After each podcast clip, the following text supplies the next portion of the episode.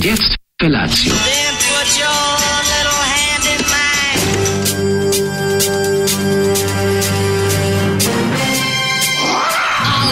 Grupa rozenih mladića trči po studenom vazduhu pre zore. Alarm! A ima da kane, nema problema. Svakog radnog jutra, od 7 do 10.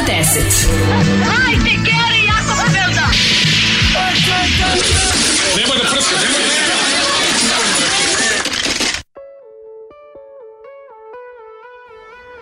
E, zoli mamu ti. Ovo je najgore što je ikad pustio.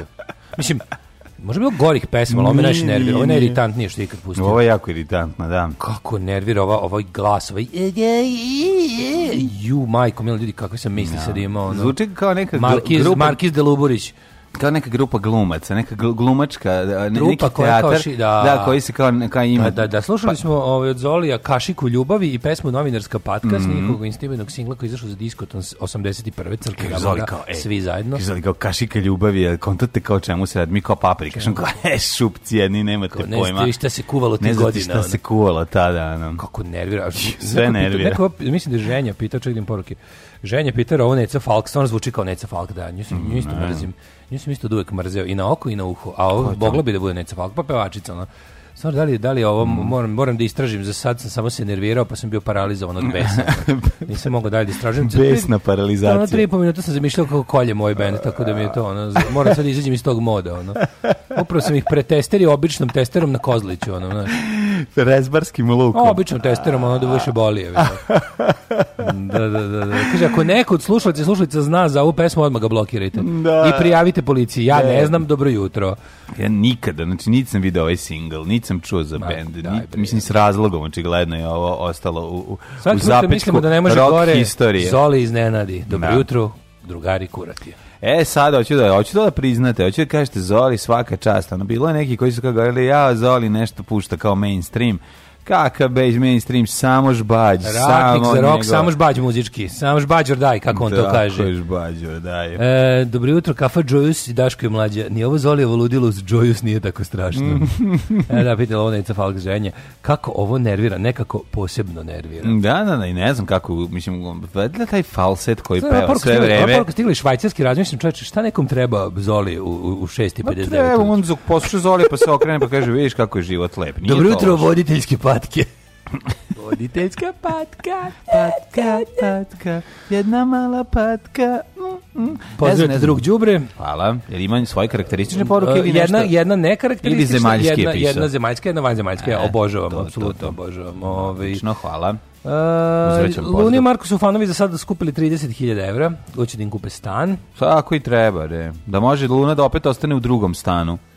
Kaže, taman da vas pitam, da li ste nekad gledali neov, e, neovlašćenog, kada ono Aha, aha, bio gost, da, da bio neovlašćeni servis. serviser. Kad je gostova u prvom servisu. Neovlašćeni servis je bio gost u prvom servisu, jeste, spajamo se, što se kaže... U kartel, brate. Znači, brate, mi e, YouTuber, ovaj, pregaoci, polako se povezujemo u jednu moćnu ekipu, znači sledeći su Marka Žvaka koje spremamo, tako da... Ovaj, kanalizacija je mainstream, pogotovo ako je fekalni kolektor, a to je ova pesma. Jeste, ovo da kako piše, kao mainstream, i kanalizacija je mainstream. E, dosta I, jaka, dosta jaka iz, izjava, mogu ti reći, meni da, da, da. se to sviđa. Evo ljudi, jutro je, ja nešto, neka mi mala snaga došla, sad se nešto kljakao, ne, klono sam nešto, ono... Dobro, pa istrošio se. snaga, vrućina cepa, da. Tamo kada spadne temperatura malo negde oko 2 sata i možeš lepo da zaspiš, onda se budeš jako rano, ono, i sunce jako rano izlazi. I onda je ono, a ne mogu, ne mogu spustiti roletne, nemam taj luksuz, mislim da ću ostaje ja spavam do 12, ono, kad bi spustio roletne. A pa, spusti ne bi jednu, jednu ostavim. Ne bi me da. ništa probudilo, da ja da ne ostavim roletne, da me sunce ujutro ne probudi, ne bi, nema da. šanse. Ono. Znači, tebi je potrebno da te sunce te probudilo, u glavi ludilo. Da bi me u glavi ludilo. To znači, ali tamo nekako sam lepo zaspao, gledao sam naravno, Sad gledam. Mare of Easttown, to je najbolja serija koju sam gledao. To je takva serijetina, ja nemam reći. Šta se ja tebi rekao? Ne smijem da, ovo, ne smijem da spojlujem, ti pogledaj, ja si cijelo... Kako ne? Stvarno, ono je, ono, strava je. Ma brutalna serija, preterani glumci. Sve da. Ali ono je toliko Baba dobra. i deda koji se svađaju na početku prve epizode su genijalni. Znači nema, a oni su teški, znači epizoda.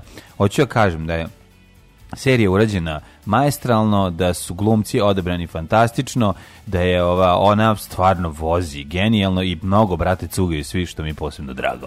I onda sve zajedno kad to spojimo. Da, seriju neki četiri ribe izlaze, oni cugaju zezaju. Cugaju se bavi, sve kako mi. To je, mi. To je ovaj, tako je naš drugar opisao da. seksi grad seriju. E, pa ovo ovaj, je, ovo je, mislim što Izlazi jako... Cugaju, zezuju se tako ko mi. Dobra je jako serija, dobar je ovaj, dobar je užas malog grada, majku, ja kako se osjeća u svakoj sekundi ove serije. Small town, small minds, gdje pa god da. bio čoveče. Mislim, da, naravno, da, da. Je bolje da u, naravno da je bolje da u bogatoj zemlji bude tvoj mali pa, grad, ali... Da, da sve to, sve, okako, sve, to, ra, sve to pakao radničke klase. Ono. Jako, jako pakao. pakao. Ir, irskog, irske duše, jadne. Koliko je sve, ono, ono sve, znaš, koliko su strašne, ja, strašne su te ulice kad padne mrak. Jo, meni, to sve lepo, meni to sve lepo što najgore, o tome sam razmišljao. Da, o tome kako sam razmišljao, kako meni to sve lepo, pa, jebem mislim, ti, lepo ovo, što je američko govno lepo. Ono. A je lepo kad iskupa kamera. Nije Jeste, to te, to, ja, to ja tebi pravi problem. Da- ja bi tuda da prošetam. To tebi pravi. Ja bih pored tih žičanih ograda prošetao. Ja bih to dobro, sve, ja bi prošetao. Meni to sve, jo, ja bi to da vidim. Ja sirotinja nisam vidio, pa ja to svojim očima pa izgledam. Pa znam, ja razumem taj, taj moment kod tebe mi skroz jasan. Mislim, svaki da. deo Amerike, makar je otišao, makar je otišao američku da šumu. Da vidi malo tu opioid, da vidi malo tu opioid crisis Ameriku. Je. Razumem, razumem se, jeste, prelepo je, treba vidjeti. Mene da alarm auto na parkingu probudio u četiri, bit će ovo jedan dugačak dan. Joj, majko moja. Drugi da. dan sam na takozvanoj Daškovi dijeti, da li može jedan blagoslovčika stanka da mi kri, krist kralj pa da snage da istrem. E, kod dijete je najvažnije da slijedite duh Daška Milinovića, tog velikog pregaoca mršavluka i dijete. Mm -hmm. Čovjek koji je pobjedio vlastito tijelo Da. I eno ga sada grca i plače u mukama. Ovaj Čiga Stankovac blagoslovi u Kristu kralju, ljubimo vas. Mm Kako se rekli, se zove serija Mayor of Easttown. Mayor of Easttown, brutalna serija, ja govorim ovdje... 7 epizoda, des... mini series. To su najlepše stvari, znači ono... Najlepše stvari mini series, u pravu. Mani se, pa da, ona, ona kad beži iz zatvora, genijalna, sa, pa, sa Benicijom, de, Penicijom del Toro. Benicio del Toro, Kaži, to je jedno od porno pseudonima, ako pa, budem ikad morao snimati. Ne, ali odlična serija sa Patrišom Marketi njima, ona genijalna serija. Escape da ne mora. Pa dobra seriju kratko. A što? Nije baš izdržala. Malo krenulo kao da kao da tu to to seriji kao da Nema nešto. šta, tu je tih 7 epizoda Znam, ali kao da nešto, kao da se kao da nešto su u pola doveli drugog, ono drugu da. ekipu da nas lomaca. Možda možda su svaku epizodu menjali ovog scenarija. Pa da. dobro, nešto i oni su na kraju radili po istinitom događaju. Da šta da su mogli raditi? Ova je genijalna, ali hoću da kažem kratke sedam ovaj, epizoda, dobra priča, nabijeno, nema, e, evo, nema ovih filera, nema, nema bez, bezbeznog razvlačenja priče, to je sve jako divno. E, mislim da nam je ovu poruku poslao Toma Mona, majke mi, slušaj poruku, ja sad čitam poruku, ja mislim, mm. sumnjam da je ovo Toma Mona poslao. Šta kaže? Vidite kako izgleda koliko je veliki vijadukt u Čortanovcima o priči nove, nove pruzi Beograd Novi Sad. Dve konstrukcije po 3000 metara na najgore muljevitom plavnom tlu Slav Dunav. Tri godine se radi objekat kakav nije viđen kod nas. To je potpuno nova deonica. Pored je i novi tunel. Sve se radi prema EU propisima za brzinu od 200 km na sat. Mm -hmm. Kaže, pozdravlja vas projektantica Čortanovaca. Ja mislim da je to vam ona poslala poruka. Mislim, ne posto... Izvini, ja se izvinjam, ali sve da pravite lebdeći na, laser, na laserskim stubovima. Znači, ovaj, mi, mi smo bez, mi smo bez ovaj, kako se zove, voza u Novom Sadu pet godina. Tako da, da. ne postoji izgovor 2019. da, da iz jednog grada veličina Novog Sada ne ide voz. Mislim, više čak ni u jednom pravcu. Tako da, razumem, ja znam da vama koji to radite onako i da, da želite da bude onaj super event s obzirom da je iz Srbije, ali no, no, jednostavno, ako smo čitali da je prva pruga završena za tri godine 1881. od Novog Sada do, kako sam jučer rekao, pa se Nišli jedan uredio do jebenog Niša, nisam mislio do jebenog Niša u smislu da... Da, da niš, sranje Niš. Nego sam mislio da, do, da, da. od Beograda do fucking Niša daleko, brate. Sam te bio rekao si jebenog to sam Niša. Mislio, no, mislim, evo, pruga do jebenog Novog Sada, mislim. A, e, znači, je, više, je, te u... Pa ne, ali hoću da kažem, pruga do jebenog Niša u smislu da sam, uporedio sam s prugom znači, do da Novog Sada. 300 km, to je... Prešek da prugu 300 km km u 19. veku za, za, za tri godine, ne mogu napraviti 70 km ovaj, po ide, kudi kamo ide, idealnijem ovaj terenu. Mm. Tako da, ovaj, um, no excuse. Ali zato slušamo slušamo grupu No Excuse. Slušamo grupu No Excuse i pesmu Whatever Happened to Fun slaž, lažem. Slušamo Candy, predivni su. Yeah. Dobro jutro. Monday, Tuesday, Wednesday, Friday, pa, Saturday. Što nego nisi rekao Niša, nego si rekao jebemo Miša. I kažeš jedna poruka, rekao si jebemo miša, ne do jebenog niša. Da. Čuo sam ja juče, nemam pojem šta sam rekao. Ove, um, znači Miša si vređu, sad će fanovi Miševa da se javljaju. Nije u redu reći za Miša. Zašto da. si rekao zjebenog Miša? Da. Šta ti imaš protiv Miševa? Nikad se jebao Miša. I Miševi su ljudi. Miševa, majko Boži, Anđeli Sneva. Znači, juče mi je tako, juče mi je tako bio težak i, i mučan dan do tamo negde popodne, onda se našao sa drugarima, pa mi je bilo malo bolje, ali do tada je bilo tako teško i odvratno. Vukao sam se po veterinaru, I to tako bilo, mačak mi nije bio dobro jedničak, ono, ovaj, bilo je pretoplo, on je sav, ono, ima tu ide, ima taj stomak naduvan i spun. Ne može da mu spustiš, šta? Mora se nas da mu dreniraju, mislim, ali onda, sad, juče mi je tako bilo nekako teško, mislim, znaš, ono, znaš, kad ono, kad te uvati, onaj, mislim da sam bio žrtva Daninka Krugerovog efekta, Posle ono 5 mhm. dana kad su veterinari rekli da će da mu urade ono što sam ja molio da urade prvi dan, razumeš, onda je bilo ono kao sad rešam, mislim nisam teo da budem ono da. na šta je ono što zna bolje od lekara, ali sam bio taj što zna bolje od lekara. I onda sam bio u fazonu, ono tako mi je bilo nekako krivo, znaš, smo ga namučili, ono jadan beži kad me vidi, misliću ga spangam u transporteri da. da. ga nosim. Ali mali onako pomiren s time. A onda odjednom mu je sinoć kad je kad je zašlo sunce, odjednom je jako bio dobar, živno, počeo opet da skače pogreb opet na krov, ono. Ove, ovaj, apetit ga nikad nije napuštao, to je sve super. Ali tako mi nekako ono, znaš, dobio, dobio 24 inekcije za 5 dana. Baš oh, mi je to oh ono...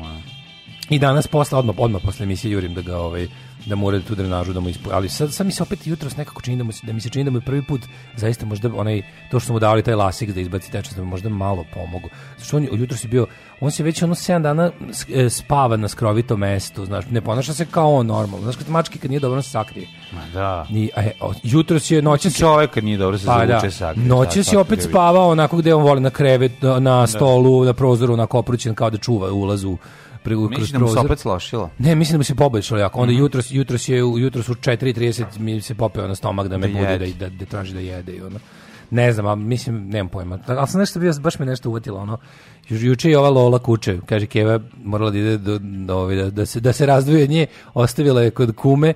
I ona kaže komu, ja, ova je ova došla kući sva blatnjava i šanta. Ja, znači ne mogu više, ono, o, kaže, vuče zadnju nogu, negde, negde se smandrlja. Pa dobro, apsurdno. Al evo, javila je kuma da je jutro zbolje. Pa znači, naravno, ono, to, je malo pa kuć. mislim... Lola ima negde oko 4 meseca sad, to smo to veterinaru ustanovio. Znaš koliko je slatka, ti bi poludio da vidiš, da, stvarno da. bi lepio da vidiš. Pa dobro, pa otiđu jedno da gnjavim. Mala pacovčina preslatka. Jedan dan posle emisije da ti tako pamet, tom psu nisam vidio ni jedna dlaka nigde da otpala ikad. Mislim, on je tako pacovost mali, kratko kratkodlaki. Pa, kratkodlaki, pa da. se ne. Mislim, otpada ima da- dlake. Da, da ti možeš da ga maziš bez da umreš. Ne mogu ja da ga mazim, ali moram posle da idem perem ruke i ovaj, znaš kako sam i uzeo nekog malog kjera bi pre neki dan izgnjavio ga, znači svako mesto gde me licno mi je posle oteklo. Znači, užas je ono, a, ta, nema ništa lepše nego kad te mali pas liže i kad ti njega da. gnjaviš i kad mu lepiš glavu, onako kad mu maziš glavu, mora da tako, da, se, da, da mu se zatežu oči na kineski. mora da ispadne ovo. Na kineski. Pas i mačka se maze da, tako da, što mora oči. da ispadaju oči. Pravilno maženje životinje, za, za, pravi se takozvana kobrica, tako to je, je kad se ovako uzme pa se kroz, kroz, kroz, kroz polukrug od kaže prste palca procedi glava životinje koju maziš. Mm. Da. Dobro, ja ne radim taj donji deo. mora, mora. Ne radim taj donji deo, zašto taj, dan, taj donji deo im stiska grlo onda, to ne vole. ovaj ima, Ali ovaj gori deo... ima dugačku da pacovsku njušku veću tri broja, pa onda to da. lepo kada ovako nategn, zaguliš da, da, celo da. to. No. A mače si, mače to se isto tako isto se tako mazi, znači moraju da oči ispadu do pola. Ne, da mače se uhvati da se vide mače beonjače. Mače se kao grudvo uhvati glava ovako sa strane da, napraviš i drobi, drobi se glava, da. Napraviš i grudvu od glave. I jako je važno, jako važno da se malo... kad skloniš, onda ono uradi, ono sa ušim da, da protrese. I važno je da se malo pluća vide na ustima od stiskanja. Kad se pojave pluća u ustima, onda pustiš malo. A ti ja stisnem zube svoje, pa i, to. i onda tako pa rešim. Ja da ne stisnem pritom i zube bi stvarno, samo bi bilo procedio bi kroz prste. Samo bi procedio kroz prste, tako se pravilno maže. Evo, ovaj. sad smo objasnili, to, a to su tako škole kliničkog maženja. Znači, kad ovaj, dete uveti da gnjavi kera, pa to je ništa, ona kjer čuti mala pacovčina, nositi nosičku bebu naručio, a da. voli, a voli, pizdeo materinu, to tako. Naravno da voli. Ono. Voli, tako se cedi pa, gušter, čisto da znate. Evo, ovako kako Daško objasnio. Jeste, jeste. Iskreno kažem, meni je palo na pamet, ali mi je bilo 7 i 18, rano mi je bilo da, da, da pravim aluzije odvratne, pa sam preskočio. Da ne, ne budem ti, aluzije stepinac. Ne, ne, aluzije stepinac. Ne znaš ti, kad je Daško mrzio celu Južnu Srbiju pred samim nejakim Đorđem mlađo, nisi ti bio tu. Uh, bio je juče u Novom Sadu, tražio dva poznata voditelja internet radio, kažu da su ekstra kurati, našao samo sunčanicu. Glava boli, sad znam kako je Daško s pritiskom i glavoboljom. Mm. Muke su ovo ljudi. Užasno ljudi, pa kape, ljudi, nemojte se zebati, turite kape, pogotovo ako ste tčelavi. A i ako niste tčelavi, ćelavi i onda stavite nešto na glavu. Ako, mislim, ili ne izlazite iz kuće pre, ono, pola Kaže, šest. planiramo da idemo u Vršac da se prošetamo po Brijegu i kao vidi ide voz, njime ćemo. Odemo, vidimo voz putuje sati 40 do tamo, ima 80 km. Još treba da odemo na drugi kraj grada do Prokopa. Jebem ti železnicu bolje bajsom ili pijehe jebote. No, ali sati 40 mhm. do Vršca je, mislim, imaš 80 km toliko ti ide i on otprilike i... i Auto? Kako ti ide voz do Novog Sada? To je to su Vojvodina je misteriozno teška za železnicu, znaš, pošto je jako ravna, previše ravna. Ma dobro, da. Ti bi rekao zlatko iz grive. Mm -hmm. Nigde mesta voz da protiram, ode meni glava. Vojvodina, Vojvodina, što si tako ravna? A malo i ugradna, znaš, on treba dok se ugrade Vojvodina, svi, znaš, on dok se svi ugrade i dok se prisajedinji, znaš, to je... Mlađe, vodi me u jebeni niš da završim tu jebenu gimnaziju. Da, da, hođi, hođu. Čim te izgovoriš tri puta, e, stvori se duh templara, e, Sotirovske koja je vija predlogom gradskog budžeta. Mm. Ove, ovaj, e, Karudijani most kod Bačke Palanke se gradi 30 godina. Da. Navodno se sad dodaje još jedna traka na magistrali do Novog Sada. Raskrsnica kod Rodića 60 godina čeka kružni ili semafor jer... E, kaže, jer je prolazi na sre... Aha, prolazi se na sreću i na prcokevu. Da. A ti znaš da je ideja da se sa novog mosta, mosta Slobode, ono mnogo mosta, nisi koji, e, ono, sad 1980. Da e, da, ispričaj. Znači, e, pa, kad ti... Skretanje kad, levo. Ne, skret, kad nastaviš pravo sa novim mostom, da. prelaziš i sad nastaviš pravo i dođeš do, do samo kraja, imaš desno za rumu ovaj, i to A, je to. A misliš na novu stranu? Dobro. Da, e, ali ta ideja je zapravo bila da se put nastavi i da se spoji sa autoputem. Da, pa to će, to, da, to će da uradi. To će jednom i da uradi. Sad će kao Fruškogorski koridor, ja sam ga sad konačno shvatio. Znači, da. znači toliko mi je bilo, toliko sam bio... Pazi, ali taj Fruškogorski koridor, ideja iz 1970 neke. Ideja od kad se da, pravi da, da. autoputevi, znači, da, znači kad se da. počeli prvi autoputevi, trebalo bi povezano sa putem za da. Mađarsku, znači mm. Bačka i Srem da dobije direktnu vezu autoputem bez prestanka. I sad će voz, ovaj, most navodno da bude tamo da je odvajanje za Kovilj, će da bude čekaj, čekaj šta ti pričaš za koji most ja pazi ceo ceo ceo sistem kako će da, da. izgleda da. kako će to da se spoji u jednu mrežu autoputa znači kad kreneš recimo na E75 Beograd bude Budimpešta autoput će imati odvajanje za Srem tako što ćeš kad prođeš Novi Sad da kod Kovilja ćeš skretati mm -hmm. desno ići će most preko Petrovaradina i uključivaće se tu na Mišeluk To, to je kao ova ideja. I onda će Študa moći da se drugi most misliš. Jedan most je novi pravi novi da, most da, preko da, Dunava da da, da, da. Koji će da ovaj koji će da se i bude Kovilj Petrovaradin preko Petrovaradin će ići tu se uključivati na Mišeluk i odatle će da ide Konačno se spoje Kovilj i Petrovaradin. I odatle će da ide kao taj preko Fruškogorski koridor. A drugo uključivanje će biti iz Novog Sada, navodno će napraviti isto još jedan most. Mislim to sve ja to mislim to sve laži i to nema šanse. su dva mosta u reonu Novog Sada. Pa to su to su u Novom Sadu radi 70 godina. Da, pa dobro. Mislim mi možemo dva mosta dobiti ako budemo jako dobri za 70 godina. A druga ideja je da Bulevar Evrope, tamo gde staje, da tamo preko Telepa, da se ide mhm. isto tuda, tuda ide most i da se odmah da. direkt uključuje isto na taj koridor. To bi bilo premoćno. To bi, to bi bilo da smo jebiga normalna zemlja, gotova za tri godine, da. maksimalno. I to je to. Ali čekaj, ja ti govorim o putanji jedno i drugo. Ja ti govorim o putanji kad pređeš Novi most i, da. i nastaviš pravo. Znaš, kao da zamisliš da imaš pravo, da ne moraš da skreneš za rumu, da. desno, ovaj kako se zove, nego da možeš da nastaviš samo pravo, razumeš, da naprave put koji će, A to će da naprave, koji to će, će da naprave, otići to će biti do... autoput. I on da, će da, autoput. mislim, on će ti izleti kao da tu ideš pravo, al zapravo ćeš opet ići u desno. Da, samo što da, ti da. neće meni neće biti tako ravno rapidna da, krivina kao što. I ovaj da. Ako nas neki šab saobraćajni inženjer sad sluša neka ugasi. Ne, već to, već nije, nije već već glasom, glasom ovaj onaj re, render sam gledao. Napravili, planove. Napravi su celu, pa kao bolje još bolje planove, napravili su kao onaj video koji je kao, znaš, onaj kao render. Ma napravili Pa su još bolji od planova. A bolji od planova, prišli su 3D animaciju. kad Dečir Kudus zida sa onim no. Da. njegovim klejom, kad kaže, pa, mislim, ovdje su ti planovi, ma nećemo i to ni da. gledati. Nego, da, imaš, imaš rakije. Imaš rakije. Najbolje je kada Anđa objašnjava. Znači, ovde ćemo kuću, ovde, ovde drevna soba, ovde ovo, ovo. Dobro, dobro, ovde su vam planovi, to mi nećemo ni gledati. Kaže, ne vredi stručni drugovi slušalci džabi, objašnjavate za prugu i bilo šta. Ja sam isto tako pričao za Skandinaviju, isto mi nisu verovali. Oni šta su zamislili, To je 30 metara tog mosta i to tako stoji kao da ljudi vide da se nešto radi, pa da, to je to. Pa ne, nego nešto meni, znaš, kao, ne, znaš, kao, pazi, ono, švedska, mislim, ali mi stvarno, znaš, kao, nisi tražio kao aj naprite most ispod Dunava.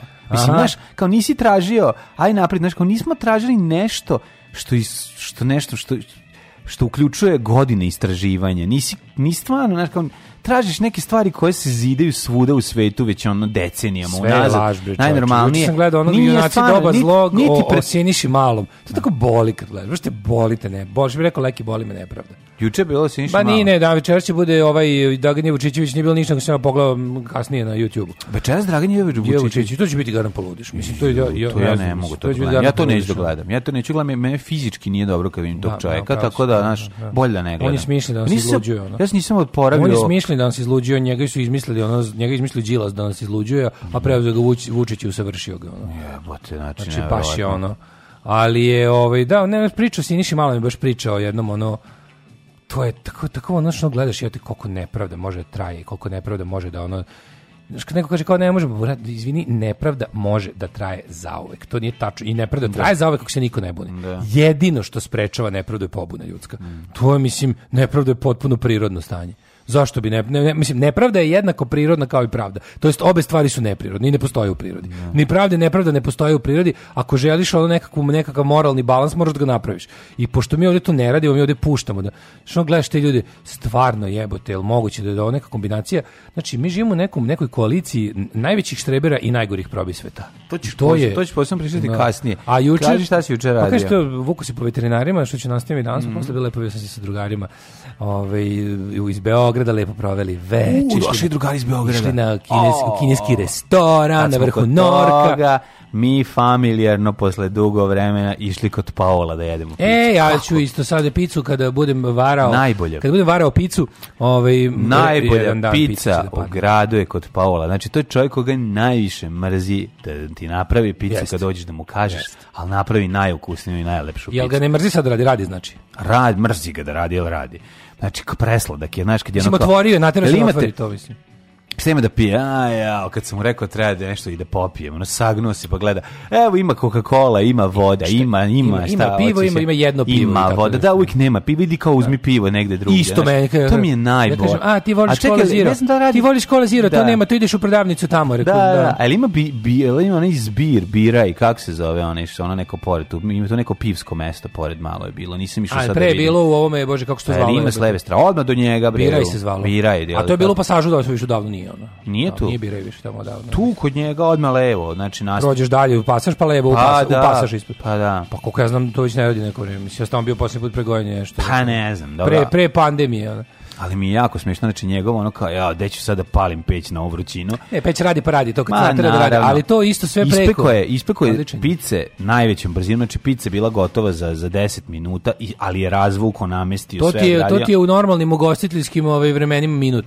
I to je definitivno najlepša pizza u gradu. Dobre, znači, da, to, je, to je to je pravi italijanska pizza. Tu nema to priče, to je znači pizza, to je da. najbolji pelat koji god ko, to je najukusniji pelat koji ima. Znači niko nigde u gradu nikada nisam jeo lepši. Znaš koji je pelat? Iz metroa samo što nema da veze. Svežeg, ono. Šta god on aromu je, uglavnom aro koristi. Ubaci pravi da, paradajz. Da, i, napravimo lepo. Verovatno on zna kako radi i ove mozzarella najbolje, sve ubaci one mhm. velike listove bosiljka, puh na to kako. Da, tu im njegova margarita je dobra, konačno da ja ja ja ja kod njega jedem onu kako se zove digni mi se kit. To je po, baš prošuto. ono... Isto to samo ti dodao par onih lepih listova. Prošuto? Prošutano, da. E, vidiš, nisi godin dana bilo tamo, vreme je da se... Vreme je da se pohara, ovaj, Paolo. još smo mi uzeli tri komada, jednu poneli za kući. Ali je ostavili da oladi pre toga, da ne stavimo unutra vruće u kutiju da ne potpari. Da. Jer kad potpari onda više nije Jeste. to hrskavo mm -hmm. testo. Su... Bolje da se samo oladi nego da se potpari. Mora se oladi, jedeš, da. mora kad se oladi mora da palova. ubaciš, kad se oladi da onda ubaciš u kutiju palova i poneseš. Pizza je inače dosta tvrda. Ovaj, Zato što je to to kiselo testo dosta drugačije. Dosta tvrdo i meni meni to nekad meni to prija u glavu. Ja više volim tu od da. bilo da. koji drugi zato što ima ukus testo. Nije ona što samo što drži. Ja da, moram da priznam da su mi čoveči dve najbolje pice Cila i Paola u gradu. Da, ma, bolje svaka mi je svoj, Paola. Svaka iz svoj, svojih razloga. Moram reći da mi je Paola ova, po, pobedila. A sad sam se jako želao i mogli bi da, mogu bi danas to. Da. Mm -hmm. Ove, ovaj, kaže, ajte junači. Ovo što sam vidio frajera, nisam ti to rekao, juče, juče sam video, ja, juče sam video kategorije, prvo sam sreo jako puno sluša, slušalaca i slušalica kojima sam mahao i oni su meni mahali i što slali osmeh. I prvo sam mislio da mi se smeju zato što sam musav, a onda sam shvatio zapravo da nije, ne, nego zašto za, za, znaju ko sam, a ovaj, nisam samo musa i kreten, ali ovaj, je zanimljivo sam video novosadskog frajera kakvog nisam video jako dugo. Starog frajera? Starog opiši, novosadskog frajera. Opiši dakle, frajera. sed, onako znači, ko, to, frizura. To, to malo vuči na beogradskog frajera. Ne, ovo je, ovo je novosadski. Šta ga čini novosadskim frajerom konkretno? Sad ću ti objasniti. Znači, sed, frizura, ala, kako bi ti rekao, znači, ima, ima Ima Misliš, je frajer iz generacije naših roditelja? Da, ma, ma mlađi, Malo 60. Mlađi, naravno, da. 60 neko. Da, ali kad su recimo, i ta izgleda kao onaj neki lepši, ne, ne, neki lepši roditelj, prijatelj naših roditelja, kad smo mi imali 12 Ima jedna stvar koja ga odvaja od beogradskog frajera. A to je? Od, tog, odsvalog. Odsvalog, da. da, da. Znači, o, bela košulja, on oh, on preplanuo, kratka, mislim kratka, ima frizuru. Ima nije ćelav. Nije ćelav, ne, ne, ima kosu, ono kao sed Anthony majko, Bourdain, kao recimo sed Anthony je Bourdain. majku mu jebem, ali zadržao kosu. Lepo, lepo, sed, mm. znači Anthony Bourdain sed. Ja. Da. A ovi, uh, obrijan, jako izbrijan, a, da, da da, da, da, bio na štrandu, štrand boja, znači već, već pašteta ten. Pašteta ten, da, da. Bela košulja, mm. koji su uh, rukavi za, onako za podvrnuti, podvrnuti četvrti, da. pa plave nove farke, ali onako dosta stylish, tu vuče malo i na Beograd, nisu one frulaste. malo ofrlaste, nego su dosta frulaste i dole najgore uskakuše, one što izgleda da se kajmak pakuje u njih. Plave, da, da, da, da plave da. uskakuše, italijanski tip. A, da, znači, ona, tako da, sa kožnim On zapravo učini italijanskog frajera. tanke, ali zašto zna? Tako je. A ono, znaš, ono što kažu, kao, na, kao rukavica kad je navučeš, znači, nema, like letiti, e, i fura je, i puši cigaru. To mi je ono, znaš, ono, to, tu se vidi da ima taj... Stari. Stari, i da je malo, malo više vuče da na novi sad. Kurac nije onaj, na, da. da, nije ono nije prestonica, tamo su cigare dosta izbačene, ono, i tamo u frajerizmu. Tamo se šiša robotski penis. Pa da, ili robotski penis, ili se i ne puši, kao već kao cigare davno, kao da, dosta, da, da, naš, kao been there, done that, da. kao nisam ludio. Prešao na kokain. Prešao sam dana. Prešao na kokain. A ovo je, znaš, kad sam ga vidio, tako, Pa desi ti čovječe, znaš, Znam, mora, mora da ima određenu facu, mora malo da vuče na onog, pa eh, znaš da koga mora malo da poliva? Mm. Mora da poliva na onog Đorđa, što smo ga pre neki, na onaj, što smo ga pre dva četvrtka puštali. Pa može Mora da, da bude taj. malo. Malo bi instruktor plivanja u, u, u PK Vojvodina. Pa može da bude instruktor plivanja, ali nije ovaj ovaj posebna vrsta frajerizma. Znaš, znaš, ovo nije ovo nije čak ni taj, znam, nije znam, ta, nije ni advokatstvo, nije ni nešto nije advokatstvo, nego ovo je, ovo je više ovako nerad. Znaš, advokatstvo ti voli da pojedu, nije znaš, ima to. Nije, pošto, nije, nije, nije, nije, da. taj čovjek nije advokat taj čovek je taj čovjek je uglavnom ništa, jer taj čovjek onako ima izda neke lokale. Da, mora biti mora biti ona kao radim. Taj čovjek izda neke lokale. Radim kod i izdajem lokale. Keva i Čale mu bili profesori na univerzitetu. Pa, Znaš, Keva mu je predavala na medicinskom, a Čale bio advokat. A, pa ne znam, a on advokat, je više ovako profesionalno kod profesora na univerzitetu su deca, ma, maš malo. Znam, ali on je neradnik, ali je frajer i ne vozi, vidi, nije on baš nije on malo je fucnut, nije na primjer ne vozi, a ne vozi kus ne vozi, ne vozi kus, jedan vozi, vozi jako lepog ovaj um, Fiat nekog starog već 15 godina, ali lepog. Može biti. Kapiraš? Ne, ne, uložio u, u, u sebe. Uložio u sebe, Znaš, u fasadu. Uložio u fasadu, u tako da fasadu da Potemkinov čovjek Ove, ovaj, Kažem, je to je bio da Frano Lasić u šoferkama. Nije bio. Da je ta pizzerija? Dunavska 27 pasaž. Kaže, mlađo, opisuješ mene. Nije taj Crna Gora, nikak, to nije Crna Gora. Ne, ne, ne. U, pre neki dan u, u Kubu restoranu. E, znaš kako sam tri furija Đunti Crne Gore video? Pa, da, na, znači, znaš šta im fali? Znaš šta mu fali samo da da promeni epohu? Šta? Previše su uski pantalone, mm -hmm. to ga ode da je savremeno i fali mu pederuša u ruci. Da, da, da, I da. malo duži nokat. Mhm. Znači, da je bio, da je to njima rekao bi da, da je frajer iz 1980 neke. To je nikako iz, ove, ovaj, iz Crne Gore, Crnogorci. Sad imaju novi fazon, znači mm. ovi neki kao u Kubu sam video pre jedno 5-6 mhm. dana, znači tri Furija Đunte, ono, znači mhm. tri Džibonije i tri Furija Đunte. Jedan je ono malo, svi su kao italijanski, ono, isto to što kažeš, svi jebote na Beogradski tetovaže novosadski nema. Beogradski crnogorci. Ne, hoću ti kažem, Beogradski da, da isto razlika između toga. Nema, novosadski nema, frajer nema tetovažu. Nema tetovažu. Novosadski frajer ocvali, ocvali nema tetovažu, jer je to za bitange. To je za bitange. To je za bitange iz za da. Tako je. Ali ima šta po stylingu, znači da viš... On voli guzit, nema on vremena da stetovira. Voli da guzi, je vidio, pa, znaš, da, i da, kada da. mu se ne digne kriva si ti, a ne on. Ti si kriva, tako je, tako je. On uđe njegova keva u sobu i kaže šta si mu to uradila kalaštura jedna, viš što je tužen, moj sin i ode majka i, i kaže sutra ću ti ispeći pila onako kako ti voliš. Kaže, ovo je čemer hvalisanje nivo Znači, Išao sam juče na 40 stepeni da stojim u redu u PTT. U, kakva red bio ispred pošte juče. Al, al ti vera. Juče mi baš prolazili, mislim kao jebote. Što? Uh, tačno je mogao biti dan kada ja visim na pošti, a nije bio, i onda sam bio u bože što mi žao ovih ljudi. Godišnji porez na dohodak građana, takozvani ekstra profit, jer da. zarađujem više od dve prosječne srpske plate mesečno. Mm -hmm. Na šta, by the way, već uredno plaćam porez, dakle, ovo je porez na porezane upućene. Pritom sam stariji 40 godina, pa Vučić neće mnogo da mi oprosti ovo. Prideće sve to da ode na crkvu i sendvičare, ovo zarađujem prevashodno radeći u Excelu. Daško, pre nego što kreneš da pljuješ u valu koji te hrani, Patreonđi od prvog dana u velikom iznosu. Ima nas ovakvih mnogo. Bravo, Excel je majka, ja ti govorim otvorio. Znači, ja sam srećen kada otvorio Excel, to znači da je trenutak kada treba da pošaljem ovu ovaj fakturu. Tako da to znači da, da, da dolazi da, da, neki da, da, Nešto bilo kao. Tako da, da, da. je, tako da, znači, je. Tako da Excel i moja MA radi. Furio Đunte, gde ste se kad niste normalni Furio Đunte, meni ta faca majka da. Mila, da. Ove, baš su sva tri, tako sa onim onim ponytailom, onim katastrofa. Mm -hmm. mm -hmm. e, još sad idemo u ne idemo još u prošlost. No, kaki I... da, ali mi smo tek zakovali gde si bio, šta si radio. Jebote novocetski frajer čoveče. Pa je šta da radim, odvezao nas tamo. Da. Čita, došli mi burazir sa sela, već ne krenemo. Ajde, samo ako ćete da igrate kola, to ne držimo.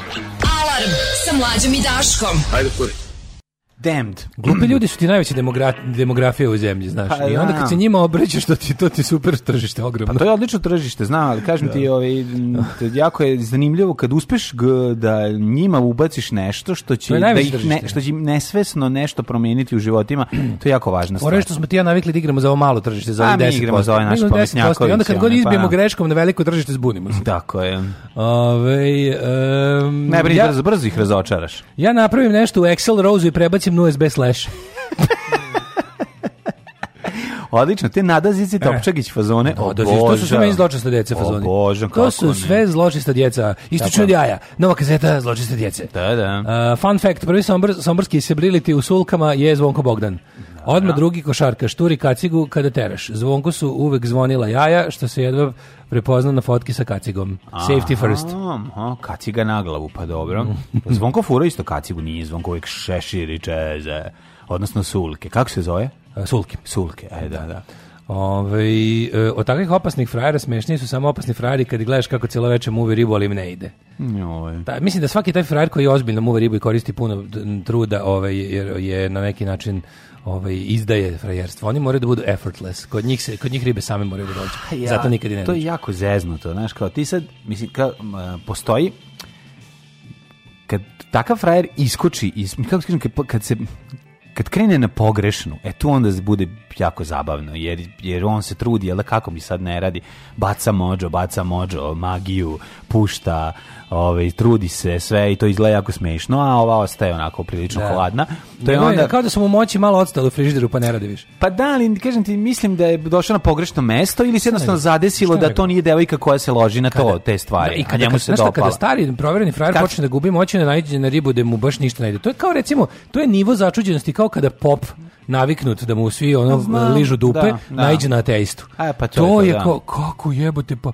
Da. Ko, ja stojim ovdje u crnoj haljini i pričam ono stare a, reči, znam, dođi... a ti nećeš da mi ono, da, da, da, da mi daš sve pare i da mi se diviš. Ono, šta je s tobom? Pa ne, šta je a, s tobom? Ne, nego, znaš, kad dođe, znaš, kao krene da muva mlađu curu koja je, eto, Inače, fanica Star Warsa jako dobro izgleda, štreberka, je razvaljuje ne, kompjutere.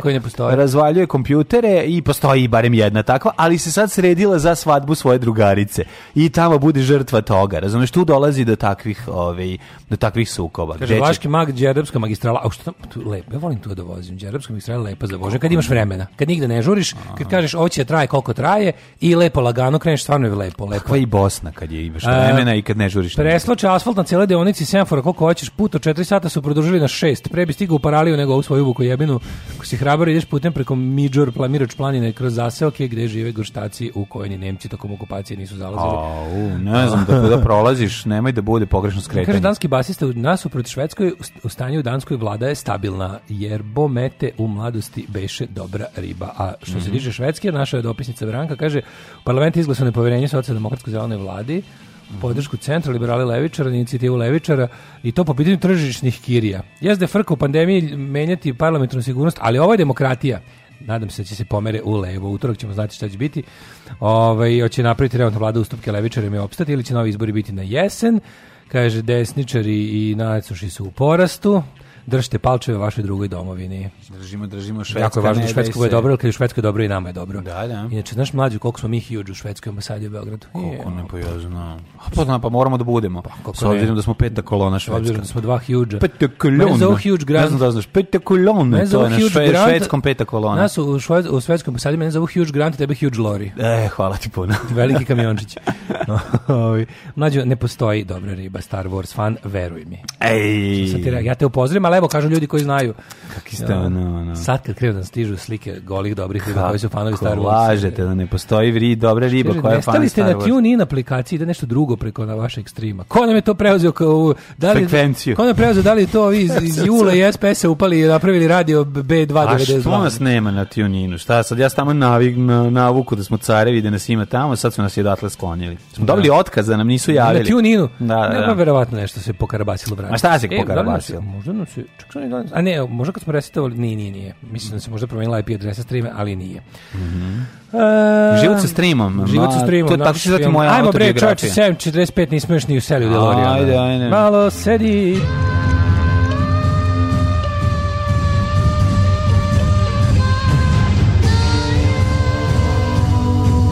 Dogodilo se na današnji dan. 22. jun, 173. dan godine, kraj godine 192 na Dežan Lađe Sve sve.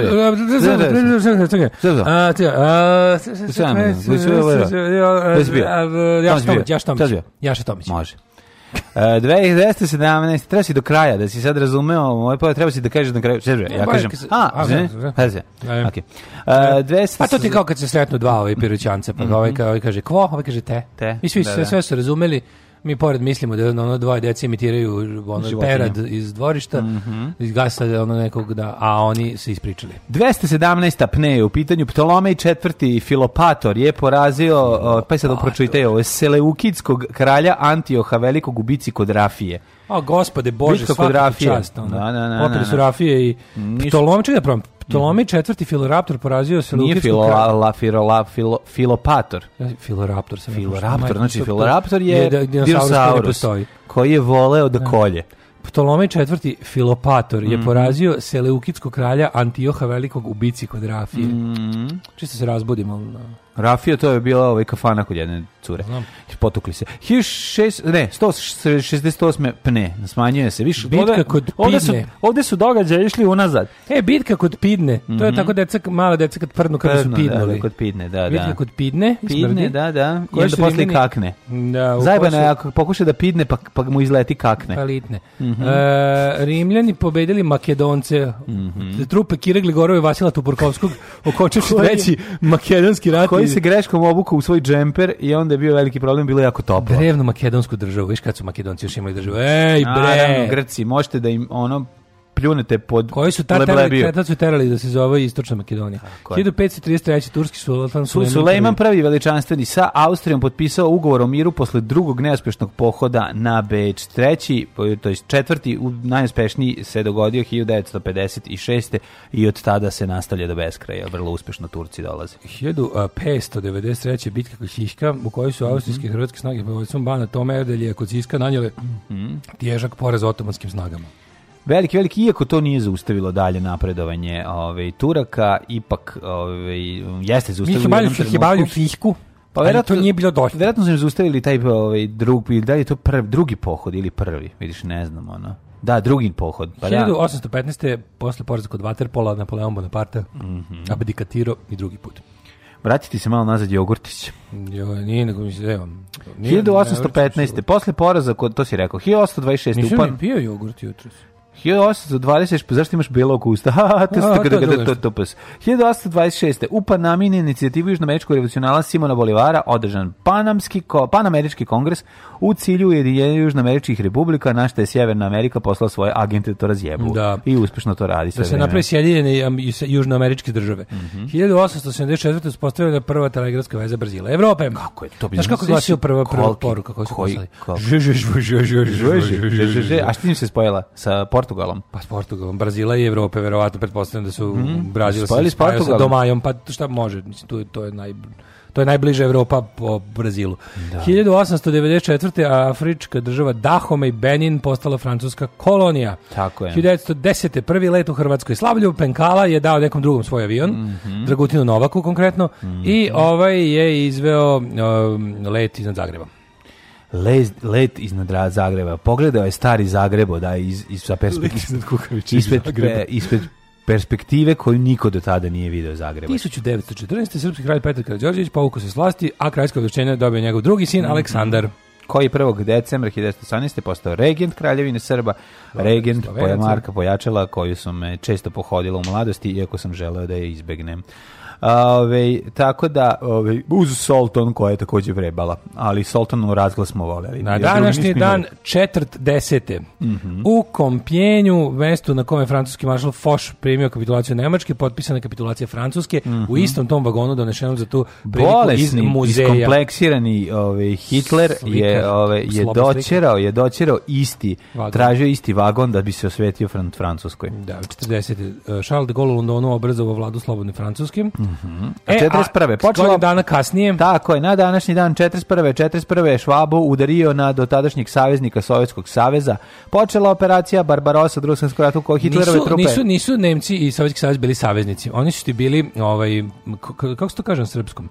Uh, eh, na primjer, eh, kako se to kaže, ne kaže, nisu allies nego co-belligerents. Dobro, da. To su ti Bili su ljudi koji nemaju, pa co kako se to kaže, saborci, nisam, nisam.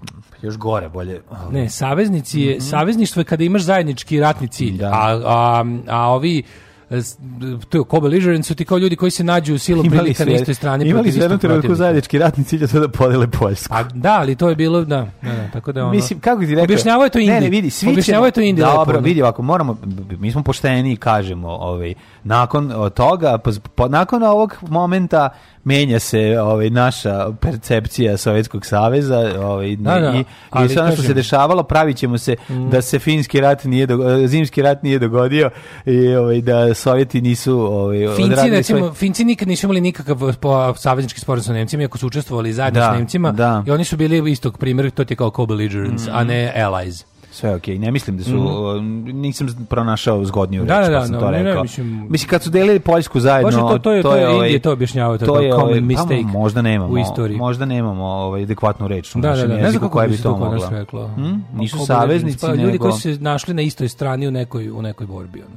Da. ali bez da za bez sarađuju, bez da sarađuju. Svako, mlad... svako vodi svoju borbu. Sa mladine strane. Svako vodi svoju borbu, a neprijatelji je zajednički u jednom da. trenutku, je to ti kao. Nemaš, nema, nema nikakvog taktičkog i strateškog zajedničkog delovanja. E, Dobro, ovaj šta se desilo? Desilo da su napali ovaj sa svih strana više od 150 divizija. Da. Duž cele granične linije među Baltičkom, znači sa svih strana su stizelo upozorenja. Preko 2 miliona trupa po poremećenom Staljinu da je da se 110 i oni nije mogu da veruju da samog trenutka no. Da. dok nisu počele ove ovaj, bombe da padaju, a i tad je bilo na proverite mi to za svaka Hitler me ne bi lagao. Ove, ovaj, čudno mi je to kako je ovaj, kako nije, nisu verovali se desi. Pa čak su i čak je pao i avion sa planovima o napadu. Znači, pazi kad je dotle došlo. Dan, nekoliko dana pre toga, ne, je pao izviđački avion u kome su u kom su bile ovaj planovi o, o, o budućoj o invaziji. Znači ne ne, mislim to pobrkao sa ovim ne, ne, ne, sa operacijom drugom 42. je pao avion. Ne. 41. 41. Ja mislim da su 42. je pao bre avion sa planovima i znaš da Hitler imao direktivu da ne sme nikada da budu e, zapovednik operacije planovi u istom avionu mm. i ovaj to prekršio. A to se ticalo ove prolećne ofanzive 42. na ono kad su kontranapad prolećni. No, tu je pao. Ja nešto mislim da je 41. Tu, je, tu je pao. Moguće i da sam pošto sam davno gledao mm. onaj Soviet Storm koji je super da. dokumentarac koji uvek toplo preporučamo da vidite. Ne, ne, ovaj je, ovi bre nisu verovali na presretnute telegrafske poruke. Mm. Nisu verovali na ove stvari koje su im javljali bre ovi razni i, i ovaj agenti. Bre, kako zove Richard Sorge im isto javio mm. svi iz, iz Japana. On je on je jedino su mu kasnije poverovali kad im rekao da Japan neće napasti s istoka. Da. Pa dugo, što je, što isto jako značilo. Dugo su i tamo držali ogromne trupe. Mhm. Pa onda kad su mi rekli da Japan neće ulaziti s te strane u Sovjetski savez, mm -hmm. da ih to ne mm. zanima, da ih zanima nešto drugo, mm -hmm. onda su mogli da ih povuku ka Evropi. Mm -hmm. e, 41. Centralni komitet Komunističke partije Jugoslavije uputio proglas u kome je pozvao narod Jugoslavije na ustanak protiv nemačke okupacije. 41. E, osnovan prvi sisački partizanski odred u Brezovici. Oni su sisali dana. neprijatelje, je li tako? Da, napadnu, sisački. partizani napadnu i sisali Sisački odred, tako, imali se i, da, da. da. jednostavno izginjava ih skroz nestavno. To od... Ostane samo kosti koža, zato što su to bili partizani vampiri. Od sticanja hrvatske neovisnosti ovaj dan se ubeležava kao dan antifašističke borbe. 44. serije pokrenuo operaciju Bagration protiv mm -hmm. nemačke armijske grupe Centar, to, to je da im vrate tri godine kasnije i to je bilo, kad su tu krenuli nisu stali do Berlina. Tako je. 45. okončana je bitka za Okinavu pobjedom Amerikanaca. A 65. Kako bio velik dan u drugom svjetskom ratu? Jeste. Svake godine drugog svjetskog rata se desilo nešto veliko na ovaj dan. Mm -hmm. Uh, eh, 78. otkriven Haron, najveći Plutonov mesec. Da. Haron, je splavar, koji, splavar, da, pa, koji vodi u svet mrtvih. Njemu moraš da daš dukat. Njemu da metneš da dukate na oči. Novčić. Novčić ne. metneš na oči, on koji umre da bi, da bi to pokupio Haron. Mm, da, ono to je za Harona. umre staviš mu, da bi otišao, što vodi u... Ne, ne, prebacuje, on prebacuje u raj. Ne, ne, ne, on prebacuje u svet mrtvih. A su Grci imali razdvojen e, svet da e, ne, da raj pakao? Mislim da nije. Zar nije Had bio baš pakao, a da je... Nije, a kako zove raj?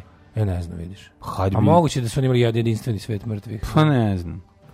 Znam da je bilo ja mislim ono... da, da zaboravio sam, iskreno znao sam, ali sam zaboravio. Možda upravo da oni nisu imali razdvojeno to. Pa nešto se ne sjećam, Haron je svi vozio s celu ekipu, znači svako ono po kao a čekaj, pogine. A kad zašto... onog spaljuju vojnika, a, a, a jesi... svog da, stave da. mu za Harona. A jesu, mislim. jesu mu te dukate stavljali da bi on kada bi dobio boj, da ga odvede u bolji deo sveta mrtvih. Pa nego da ima, da, da, da, da ima okušat kola da, kad ga vozi, kad ga prevozi. Kao šta su potplaćivali ako sve isto tamo da ideš? Da bi ga uopšte prevezao da ne da da ostane. Da za prevoz da ti plaćaš slepom ovom, da. ovaj, kako se skeleđi, da, da te prevezi me preko, mm. evo ti 2 dinara, druže, koliko košta da unutra budem večno, da unutra budem večno. Da, 86. Diego Armando Maradona u četvrtfinalu svetskog prvenstva protiv Engleske postigao gol, rukom. Da, da, da. To je proglašen golom stoleća. Daj bre, on, to je tako sram te bilo. Meni, meni, meni on tako jadan zbog toga. Pa naravno. Meni to znam se kao, jo, kako kao, mač bi bio pičku. Ne, ovaj, naravno.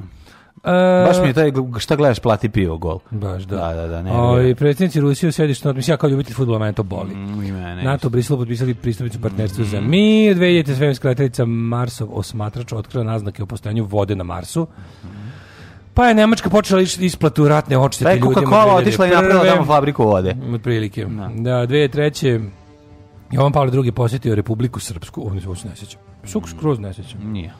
Mislim. Uh, 2003. tokom države poste Londonu Putin bio zvanični gost Buckinghamske palate, prvi put posle 1874. Tada je na čelu Rusije bio Aleksandar II i on je posetio ovaj glavu Ameri ove engleske yes. ovaj, monarhije. Britanske monarhije. I mladine, najvažnija stvar, 2006. izdata 3.01 verzija Dem Small Linux distribucije. Šta ću vam reći? Razlik, koja je razlika između ove, druge verzije i treće verzije 3.0? Tako nešto se ne 3.0 zato što je bio hat trick e, vlasnik e, kompanije Louis Linux. Tornvalda Linuxberga. Tako je, ove, je postigao sva tri gola i zato se ova verzija zove 3.0. Hvala. Sve jasno, sve jasno. Kako je ovo dobro, One Way, one ticket, way ticket to, to Hell and, and Back. Da, da, genijalno. To je, mislim, to je genijalno. Katra u jednom smeru do pakla i da, da, da, nazad. To Genijalna. je stvarno jedna velika, velika misao. Tako je. Obožavam, obožavam. Ove, ovaj, kako krene da radi ova klima, meni se spava, znači tako mi je ovo, ovo je sad fina, fina ladnoća. A, smo... kad Čerlija ti malo, Čerlija. Da. Skini su gaće, bre. Ti rekao, Petrić, Šarlija. Misliš Čerlija, e, šta sam ja rekao? Da, da, da, ja polako ulazim u te... Ove... Čuveno ovaj- šta sam ja rekao, ne, da lupetaš pa se ne, ulazim, sebe kako ulazim da, da, da govorim pogrešno i da nisam se ti shvatio šta pogrešno radim. Ulazim u te godine, ove, ovaj, čeliferske godine. To je slatko. Um, kaže, eh, to da u vezi Star Warsa. Tako su i nas dobre ribe oklevetali da ne slušamo obojeni ovaj program. To je Daško okleveto. Da, je da, da. dosan fan Star Warsa, samo kažem. Ju, pa naravno. Kaže, radite sve ok na TuneIn. E, kod nas se to zove koalicioni partner. Kolaboracionisti, možda može tako. Čekajte drugovi, svako vodi svoju borbu, ne preti zajednički. Pa majkom obožio, to su Ustaši Četnici u borbi za slobodu. Ne, ovdje je razlika. Ustaši Četnici su imali pravi saveznički sporazum, plus ne. Da. zajedničku komandu u Nemačku. To je, oni su imali gomilu sporazuma, gomilu raznih, ovaj, kako se zove, a tako imali su akcijono jedinstvo, imali su dale, zajedničko ovako. gospodara, dale, na zajedničkom dale, kaznu, zajedničke plate, zajedničku municiju. Ja znam da ti sad nisi ti, nije ovo 1940 41. pa da si ti sad ovde mala ćelija u Novom Sadu komunističke partije Jugoslavije koja ne zna šta šta da radi pošto su im uda u procepu da, da. jer, jer on, on ne, ne, ne, Hitler nego, je, nadire Nemačka pobeđuje na svim frontovima a, ove, a ovi njihovi što treba da im daju kažu sad lade muda, da, ovi da. lade, ne lade muda nego malo i ono lade muda zajedno sa Nemcima u, u istom koritom u, u istom koritu tako da ja razumem to što piše ali meni ne moraš da se praviš ja sam na istoj strani znaš da sam ja veliki neprijatelj Sovjetskog saveza ja nikim sam volio Sovjetski savez osim od 41. do 45 sad kad ih svako normalan mora voleti. Da, pošto da. je alternativa je da voliš e, treći rajh. Da. Ali ti kažem interesantno zato što to, to, to, to, nije jako to se jako retko dešavalo u istoriji ta ta, ta co-belligerent da. situacija. Da. A ne i allies, znaš kao to je. Pa zato kažem da je interesantno da se to malo prouči. Mm, pa interesantno je, ali ovaj e, da, ima neki hirurg vozi džipa na registraciji mu piše Haron. Kad sam ma, kao, kao mali sam mislio da operacija Bagration Bagration, ja to i sad mislim, kad pročitam Operation Bagration, kad negde na YouTube gledam ono video o tome bude. Ono. Šta, drugi svetski rat je, uh, toliko zanimljiv i dobar ne, da stvari znači stvari problem je što drugi svetski rat i dalje ob, ne samo da je oblikovao nego i dalje, utiče naravno i dalje znači, utiče na naše ne, živote. ona mudrost da muškarac posle 40 godina mora još dublje doći da uđe u drugi svetski rat ili da se pozabavi sušenjem mesa. Da. To je jedna od najvećih istina na svetu. Ne, a kad radi se jedno i drugo. A kad radiš jedno i drugo onda si najveći muškarac, da. ali smešno smešno kod drugog svetskog rata je što to je za mene jedinstvena stvar o kojoj mislim da znam sve i uvek gledam sve. Znači, gledam dokumentaciju o stvarima o kojima znam sve i uvek čujem nešto još. Na. I to toliko volim. Evo, to, recimo, je, to ja sam, je toliko dobro. Ja sam skonto da top koji se nalazi parkiran i, ovaj, kod riblje pijace, e, zapravo ona tri, jedna od tri ona tri topa, jedan je američki, jedan je, je engleski, jedan je nemački. A, e, ne, a nemački je zapravo top koji se montirao na tenkove, to je 75 mm. Veliki mi se nalazi na Tigru da... ili na Panteru. A taj, Razumeš, misliš taj top? Pa taj, mislim, ta vrsta topa, pa, da, pa pogledaj pa, mu cev. Imali, imali, imali su Nemci pored tih tenkova, imali su i gomilu tih samohodnih topova da se na šasi od recimo pancera, ne, ali nisam to, četiri stavljala. Mislio sam da je ceve verovatno i kalibar, kalibar da. odgovara apsolutno tom. Mislim da njih išlo 88. 88. 88 išla verovatno na neva baš najveća. Taj, na, verovatno na tigra ili na ne znam da. da. Ali fora su Nemci imali te ono samohodne topove da se na... na, mm. na baš ću sad pogledati. Na šasiju... To mi je palo pamet, recimo juče dok smo šetali, da li su, da li je ovaj taj top kada, kada nekom nešto, na primjer klincu kada objašnjaš, kada nekom nešto da. pričaš, uvek, uvek i sebi nešto novo postaviš neko pitanje. To je pa super. Pa, naravno. To je pa, da. super. Nešto što si hiljadu puta prošao kad naglas nekom nešto pričaš ili dete uvek ima tako neko genijalno pitanje koje te ono natera da pomisliš, više niko o tome nisam razmišljao. Da. da. Znaš, tako nešto pitati kao Juko, vidiš. Vidiš da, da, da postavi dobra pitanje, nešto da. što ti pa eh, zdravo za gotovo. Pa tebe to dalje odvede u nekom zdravo za gotovo uzimaš, a nisi nikad razmišljao zašto je to tako. Pa to odvede dalje u mudrovanje. Jeste, to je uvek da. jako lepo. Ovaj, um, Pre su bile vojne pokretne kuhinje ispred, a sada topovi. Mislim da stoji dalje jedna kuhinja, stoji tamo. Ne. Slonja su kuhinju? Pa nema, ispred ima, sad stoje tri topa. Nemačka vojna kuhinja, oni su zvali tu taj, kao kako se zove, taj kamiončić što vuče, ono, da.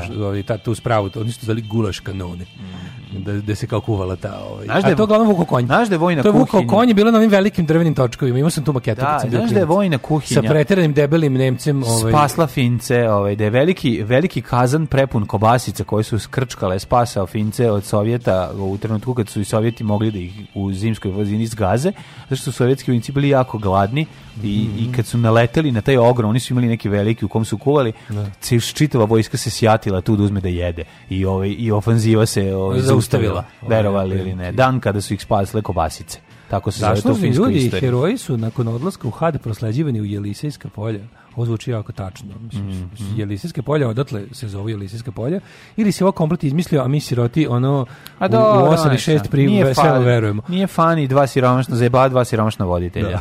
jutarnjih programa. U 8 i 6. U 8 i 6, mislim. A ovo je, pl, u, ovo je plus 9 6, koje je ovo zanimljivo? Koje je ovo srećna zemlja? 9, del, del, plus 9 6, ovo je neki Katar ili nešto tako, mm -hmm. neka srećna, neka polusrećna zemlja, da, da ima para, ali nema slobode. Ove, ovaj, rođeni na dan 22. lipnja. 1757. George Vancouver, britanski istraživač, čovjek koji je otkrio, otkrio George i da, u kafa... I, dan danas, danas njemu se glavni najveći grad na zapadnoj obali Kanade zove George. George, po njemu. Ali kako je to bilo? George došao i rekao ovdje bi mogao ostati da, Mogu... da skidam stvari. Vancouver, ajde. Dajde, Vancouver. Ajde, Vancouver. I, I vadili su kuver. I pošto su tu odlučili da ostanu, nastoje da, grad. Da, tako George. Je. 1767. Wilhelm von Humboldt, nemački mm -hmm. mislilac i državnik. Humboldt, kako se zove njegovo imanje kod Berlina? Sansuči. Mm -hmm. da. 1805. Mhm. Giuseppe Mazzini, Mazzini. političar revolucionar osnivač organizacije Mlada Italija. Saborac Giuseppe Garibaldija. Mm -hmm. A 1897. Odnosno ovaj, njegovih crvenih košulja. 1826. Bogovoj Atanacković. 1897. No, Norbert uh, Elias, nemački sociolog. 98. Erich Maria Remark, nemački knjižnik, jedan od mojih omiljenih pisaca u životu. Yes. Znači, Ove, ovaj, to su knjige koje se najviše čitao tako nek u tinejdžerskim godinama i tako su ostavile jak utisak na mene da i ovaj dan danas mi to znači. Tako je. Uh, Zenon Kosidovski jako ozbiljan glum, pisac Glumci. koji je na mene uticao izuzetno njegova knjiga koju i dalje svima, svima toplo preporučujem ako vole zanimljivu istoriju poljski pisac, eseiste i pesne knjiga se zove Sunce bilo Bog, Zajan Kosidovski odličan čovjek 1906. bili Wilder da vidite producent. kako su de krajem 19. veka krenula otkrivanja i istraživanja vezana za za, Ruda. za, za, ove, za staru Grčku i Egipat i tako. Zanimljivo kako je to išlo i kako se razvijelo, ko su ti ljudi koji su neki od njih dali svoje živote za neka znanja koje imamo danas. Billy Weidel je jedan od najvećih producenta, rođen na današnji dan 2006. Konrad mm. Zus, nemački inženjer, zaslušan za kreiranje prvog programski kontrolisanog računara e, Z1. 1932. Da. Soraja i Sfandijari Bahtijari, iranska lepotica, pripadnica visokog društva i druga supruga iranskog šaha Muhameda Reze Pahlavi. Taj moram, moram, moram, hoću da vidim kako izgleda, garant je prelepa. Gurglaj, znači, Soraja i Sfindijari Bahtijari. To ćeš mi reći kad završimo. 1940. Abbas Kiarostami. Zašto si preskočio četiri godine? 1936. rođenje. Chris Christopherson. E, Chris Christopherson. Američki muzičar i glumac, uvijek sam ga više voleo kao, muzi, kao, kao glumca, moram reći. Humeni patak dete. iz filma Konvoj. Tako je. E, zapravo sam ga tamo, voleli. pa tamo smo kao klinci ga izvolili. Kako smo voli taj film, čoveče. Kom, kad, kad Konvoj nedeljom popodne bude na TV-u, pa da. ja a posle toga Tarzan. Pa šta ti je lepše? Ima najluđe kada puste konvoj, jednom, da- ja sam gledao jednom konvoju u okviru, ne znam koji, kako je to uspelo da se desi, ovaj, u okviru dozvolite se obratimo. E, nisu. Jesu stvarno. Znam da je bilo svi oko, zašto Bilo je stvarno. Znali su nekad malo da daju pesničke slobode, pa da ne bude baš film ratne, drugo svetsko ratovne tematike. Ono. 1943. Znaš da su u Breu, dozvolite vas obrati mu puštali neke baš ono filmove tipa divlje guske, razumeš? Znali su pustiti takve stvari. Samo da su ljudi u ratu, ono, bilo, nije pa bitno, nije bitna ona poruka. Uglavnom su bili domaći film moje. Mm, bili su bre i od strani, i ruski i američki. Mm, u, kad, se, kad leti Boško Buha, niko sretniji od mene. Da. Michael Kosterlic, britansko-američki fizičar, dobitnik Nobelove nagrade za fiziku. 49. Meryl Streep, najbolje glumica svih vremena. Meryl Streep, predivna glumica, jedna onako, jedna lepota, jedna Znaš ljubav. Znaš ko je Cynthia Ann Stephanie Loper? Mm -hmm. Cindy. Cindy Loper, Cindy da. Loper, američka kantautorica, žena koja ima talent da pesme prepozna nečije dobre i da napravi njih hitove, a da ih nije napisala. E, znaš da je prvi muž Meryl Streep preminuo izuzetno rano on je bio glumac, igrao je u nekoliko jako kultnih filmova i znaš ga, a zaboravio si recimo da je umro jako rano. A sad ne mogu da setim kako se zove, zaboravio sam mu ime. A, pa i ti si. Ove, pa Možda zato sam ja zaboravio. zaboravio. Pa ne, ali uvijek smo pominjali, recimo njega, on je, on je izuzetno, ove, ovaj, izuzetan, izuzetan glumac. Igrao je u, u četiri ili pet filmova, umro 79 ili 80, ono, baš nešto prerano umro ove, ovaj, čovek ali ona je recimo bila uz njega uz, uz postelju dok je umirao. To je bila velika ljubav njihova. Igrao je u, u u ke, Kumu, u da, be, igrao u je u de, de, ovom um, Doncu na Jelene. Mhm. Igrao je u aj Italijana, sad se, Boris. John Cazale. Jeste John Cazale, e, on. E, al pa John Cazale brutalan glumac i a prerano je od baš je otišao mlad. E, ali čekaj, on je... Neka rakčina ga pojela.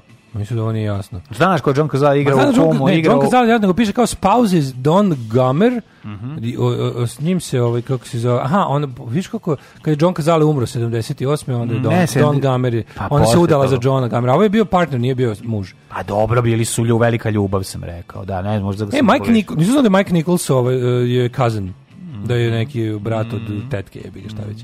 Dobro, ovaj, Onda mhm. imamo mm -hmm. ovako, na čekaj samo moment. Sam ti traži. Na, ovaj dan, sad sam otišao malo u... Na ovaj dan. Jimmy Somerville, 64. Dan Brown, pisac ovih trash bestsellera. Best uh, trash seller. Janko Tipsarić, 84. Umrli je današnji dan. Danas su premineli ovako. John koji... Fisher, kardinal engleski. Sulejman II, sultan. Čekaj, Judy Garland, 1969. Čekaj, 1864. Ilija Garašanin. Mm -hmm. Augustin Čengić, e, Vladimir Stahuljak, Orguljaš iz Borovođa. Ne, ne. Marija Rumunska, E, rumunska princeza kraljica kraljevine Jugoslavije. Jeste. Petar Schein, slikar. E, pa onda Francis Estelle Gum, američka filmske glumica i pevačica, pa si ti rekao onda... Judy Garland, da, sam 69. godina, a Fred Astaire 1987. Najveći, najpoznatiji meštanin Stepojevca. Stepojevca. Radivoje Jovanović, 2000. narodni Bogoljub Mitić, srpski glumac i gomi, komičar. A, to je Đoša, da?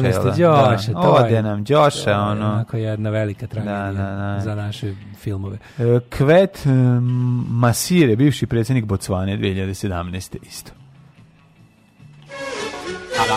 sa našom gimnazom. Nikad nedeljom. Monday, Tuesday, Thursday, Wednesday, Friday. Nikad subote. This is a journey into sound. Od 7 do 10. Kaži mi se ovo Chesterfield Knights? Chesterfield, Chesterfield Heights, ovaj, Chesterfield, Chesterfield Kings. Kings, eh, sjajan, sjajan američki bend eh, koji smo imali prilike da čujemo da, jedan, u emisijama onih, Little Stevena. Da, jedan od onih malih velikih bendova. Tako je, tako je, odličan sva sastav. Odličan. Jedan od onih bendova koji nikad nisu bili ništa poznati, ali recimo ljudi iz poznatih bendova njih jako vole. Jako, jako vole. To je taj, taj primjer takvog benda. Tako je. A, vidiš, poruka je bila iz Kuvajta i ovaj je Lisijsko, a to je, a to je Elysium, stvari više me nikad nije palo mm, pamet. Mm, da povežeš. Nikad mi nije palo pamet da je Elysium, da su to Elysian Fields i da su to stvari, mm -hmm. kad bi se prevelo skroz na srpski, bila Elysijska polja. Da, da, da, to su ostrova sreće. Mm -hmm. Elysium su ostrova sreće. I to, je, de, mhm. to jeste kao VIP sekcija uh, grčkog, jel, tog zagrobnog sveta. Da, da. Da, da, da. Ove, ovaj, i da pređeš reku Styx, Tako je, rekao Stix. Pre, pre, to te prebaci ovaj, i onda Gitarista možeš, iz benda Stix. I sa pesmom Take me down to my boat on the river. Kako bi moj torpedo da bi mu i njega boat on the river kad čujem tu pesmu. u stvari kaže Elisijska bojiš kako da, baš lepo. Mhm. Lepe stvari si se naučio danas, dale, zapiši da, da slušalice iz Kuvajta nam rekla. Hvala, divne. Nije iz Katara, nego iz Kuvajta. Hvala divno i kuvajć, kuvajćenki E, imam pitanje za mlađe starog IT-evca. Može. Da li samo meni jutro zapucava Google neće da se otvori na mobilnom, a ažuriranje mlade, na čemu se radi? Zapucavanje Google ili Google a Samo stiđenje se s nama u studiju je stručnjak za internet. za Interrail. Šta da vam kažem? Zapucavanje Google. kompanije Stick da. and Rope. Zakucavanje Google ili Googleovo zakucavanje dešava se svaki 74 godine na Meku. Međutim, ove, na ovaj, ko ima ove, ovaj, tvrd, njemu se ne dešava. Šalim se. Oh, Najvažnija stvar... Da spustim regle, ne, da izvinite, molim vas. Pa šta će bila pošalica sa, sa odlična, zvukom? Odlična, odlična. Sa zvukom je bila. Da- Kada uradim to, imam pravo da se našalim ovako probaj da go uh, jedino rešenje kad se to desi je da ga isključiš i ponovo uključiš. Dakle, uradi sledeću stvar, isključi računar, istruje šnjur, znači baba, stajal, e. vrati nazad šnjur i ponovo uključi kompjuter i sve će biti u redu. Jednostavno dešavaju se takve stvari i kod najboljih računara. Kaže, Vancouver je najbolji, najlepši grad u Kanadi, slažem se. British mm. Columbia je najbolji deo Kanade. Um, kaže ovako, vojnici teraju decu stopova i stepenica. Kvare zabavu deci, naravno. A, kaže da se Stare, posluša da povijest četvrtkom operacija Bagration dana. Ja sam slušao. Jako je toplo. E, kaže Maradona na tome je čuje dao i gol rukom i gol stoleća. To su dva mm. različita gola. Mm. Više od pola terena driblo sve Engleze i stavio loptu iza Shiltona. Nego, ovaj, uh, Ju, kaže, šta ćemo s glupim vicom? Ide mujo vozom, ide, ide kad nađe stanice Vancouver i on izbaci kufer, a onda posle Jamajka, on kaže, aj majku, izbaci nju i na kraju Haiti kaže, ha i ja, i on iskoči iz voza. majku ti krvavu! Ju, koliko je dobro je. Naći ćemo te Ejmo, još, još žrtava Google ovog jutra, kaže, mene Google je bendiše. Kaže vam, ljudi, znači, uradite sledeću stvar. Isključite računar, sačekajte 5 minuta, ne morate 5 minuta, sačekajte minut. 10 sekundi, pravilo dakle, 10 sekundi. Ne, dakle, ne čuveno restart dugme, nikako ne Nego gašenje, i ponovno paljenje. Računa. Zašto se to radi, mladene? Zašto vi to u IT sektoru preporučujete? Zašto? Zato što je ovaj staro pravilo od 5 sekundi kad ti padne ovaj kako se zove sendvič na da. na na Za 5 sekundi stranu. nemaš pre nego što skoče bakterije na njega. Ne, nema 5 sekundi. Hoću ti kažem, mi smo bakterije su uvek negde u blizini dotrčavaju. mi smo zamislili kako i mi smo to mi smo to vreme proširili na 15 minuta. Tako jer smo siromašni bili, znaš. Tako da ovi ali I da se neko iskinje preko sendviča. Da pa do šta god. Onda znači, ne upotrebljivo. Pravilo od 15 minuta, ako duže od 15 minuta na zemlji, onda je problem sve preko da. sve ispod toga je u redu redu, možete odmah jesti, dunite i e, očistite. E, kakvi si, kako se ima veze sa pravilom od e, gašenja? Kod gaš, ve, zato što veliko gašenje računara dok se sam ne ohladi. Ba, a, ispravljač. Dok se tako je, ostavite računar, ako baš neće nijednom da se upali, Google. ostavite ga da se ohladi. Kad se ohladi, Sve jasno onda ga uključite na isti način na koji ste to uradili. Nije ni dakle, čudo, nije ni čudo što se obogati u IT sektoru sa ovim ogromnim znanjem.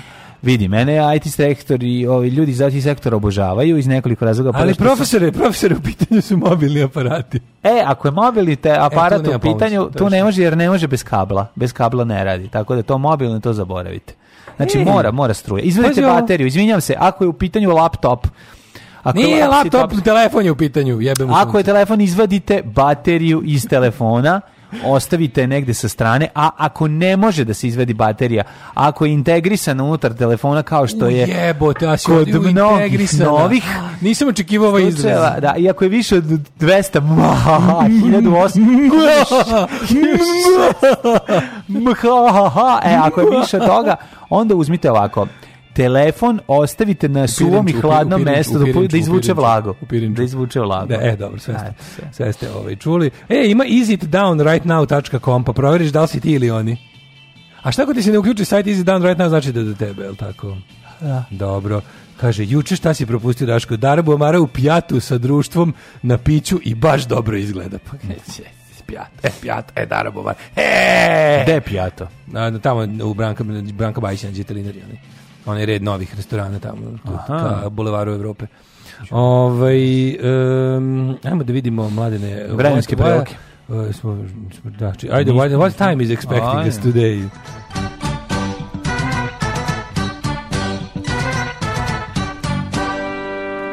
Sad da nam kažem, od Palića pa sve do od Palića ove, pa ovaj, sve do Palića pa sve do Crnog vrha 26, 25, 27 stepeni na Crnom vrhu je 20. Ove, jako da vam kažem ja nešto. Vrućinčina. Profesor Jugoslav Nikolić u havajskoj košulji i graške znojem upadaju niz čelo, kao što možete vidjeti na našim svim internet ispostavama. Mm -hmm. To mhm. znači da su uh, e, e, disrupt, disruption due to extreme Extremely high temperatures. 37, danas 38, sutra u četvrtak 40. Doktor Jugoslav is hot, act accordingly. Ljudi, ulazite negdje gde ima klima i palte klime. Čekajte da vam ja kažem koliko tačno je vrelo u delu pa Srbije. A ne moraš da govoriš, ja sam rekao svuda je ono 39, 35 maksimalno dnevna. I svugde je, a danas da, svugde je skočio. 25. Pa, svugde je da, skočio, pa, u da. Sjenici je 18 stepeni. A dobro, pa, Sjenica se ne računa. Sjenica i Crni mir 20 i 18, ostalo sve spržotina. Now Đaldu zgađa. 8 je časova. Radio Daško i Mlađa. Prvi program. Evo nešto korisno od kurira e, Češelj. Češelj! Daj mi! Evo odmah. Nemam nijedan. Teški Aj, si je. Moram njemu da češljam. Kaka si halal. Pusti mene sa očešljem. Češljaj se. Nisam se dugo češao. Ove, te sam nešto da ti kažem. Dale, ako nisi znao, pe, ti znam da si ti veliki fan pesme koje? Na pesme koje se zove... Jo, morate, ne, naslovna strana kurira je pobedila. Znači, ovo je bukvalno... Ti voliš pesmu Ruža Rumena? Ma Mislim, kako si ne volim, Matori Ruža Rumena mi je e, najbolja e, pesma koju Pa samo ti kažem da je znači, Gagi... Znači, ja pevam, koji stih hoćeš? Gagi je ukrao ovaj pesmu Ruža Rumena. Moramo o tome, ovo je tema dana. Mislim, ovo je, ovo je diverzija kako nije nikad. Pa, pa, pazi kakav nedan. Pazi Cela kakav nedan. naslovna strana da. kurira je Gagi mi je ukrao da. ružu rumenu ispovest glumca, kako se zove da. glumac? Glumac je ono lažni Čite, mir. ime, molim te. Ljubiša, Nebojša Ljubišić. Znači glumac Nebojša Ljubišić, lažni Miodrag Krivokapić kako je dobar kurir, kako je kako ukrao, dobro, znači optužuje Gagija, pitanje sad uopšte da li oni bilo koga neko optužuje, da li ovo sam izmišljotine. Bilo je zvali su ju prekiče su zvali Dragana Ivanović i rekli će da daš 1000 evra da ne bude on, sam rekao boli me, možete da mi što bi rekao iz šalj, na šaljiv način kao znači, moj rođak sa sela rekao trenutno mogu da vam dam samo da mi popušite. Gagi mi je ćemo se ružu rumenu, znači ono uh, Gagi, a on u najgoroj, ono kad kad najviše omiljenog drakče, da, drakče, drakče, drakče koliko da, ja, da. znači taj styling ti brkovi, ta kosa dugačka njegova. Ja treći put pokušavam da gledam rođak sa sela i ne mogu da razumem. Ja glup. Zašto ja to ne razumem? Jesi ta se ta serija dešava na, u više paralelnih stvarnosti ili u čemu je fora? Kako si slatko iz mene napravio kosicu? Radijeću, radijeću, mm. ćeš me. Radije ću gledati ono Dobro jutro komšija svih šest sezona ono jednu za drugom pa dok ne umrem Ko je kome ukrao Rosebud nisam ispratio nego ću pa izlade da Gagi na, Ljubiša tvrdi izvinjam se ne Bojša Ljubišić tvrdi da mu je Gagi ukrao pesmu Ružan u mene mi ne znam šta je Ružan u mene ja bih voleo i da pustimo delove, da čujemo odakle. da mislim, ja znam da Gagi, mislim, stvaralac, pa deo jedne grupacije koju sam posebno ne voleo, a to su Kugorsi, tako da mm. ovaj da, tu to, to, je, jedan to je to je taj Kugorsi su jedan kad veliki. Glumci imaju bendove, to je humor ha Dobro je kada pevači počnu da glume, ali kada je obrnuto to nije mm. dobro. To je jedna mala zanimljivost o kojoj možemo pričati. Znaš što je jako loše kada e, internet e, radio voditelji počnu da glume? To je, uh, to, to je najgore. To je to ne pita. Ali ima svoju neku vrednost. Nema, nema nikakvu vrednost. svoju kemp vrednost. Pa svaka, da. Jer da, setimo da. se izjave Radomira Belačevića. Tako je, svaki film ima svoju vrednost, upravo. I što je, to bi trebalo ti bude zvezda vodilja u tvom video stvaru, no, jer hoće, drugo ništa i ne može. A, pa, Ali radi moj, se o tome. Moja zvezda vodilja je Baba Mila iz video Jela Zelenbor. Nje, njehovi video, Majka Mila, njihovi video, njeni video u reci, su nešto što je ovaj meni zvezda vodilja, ja želim tako da radim. Um, kaže ovako, osjećam kako mi možda ćelije nestaju dok slušam mlađu kako rešava bagove. Gledam evropsku i prvi put mi TV na našim kanalima, sunci ti jebem reklame za kladionicu, ja se kladim redom online, ali sve ih treba zadvoriti zbog reklama.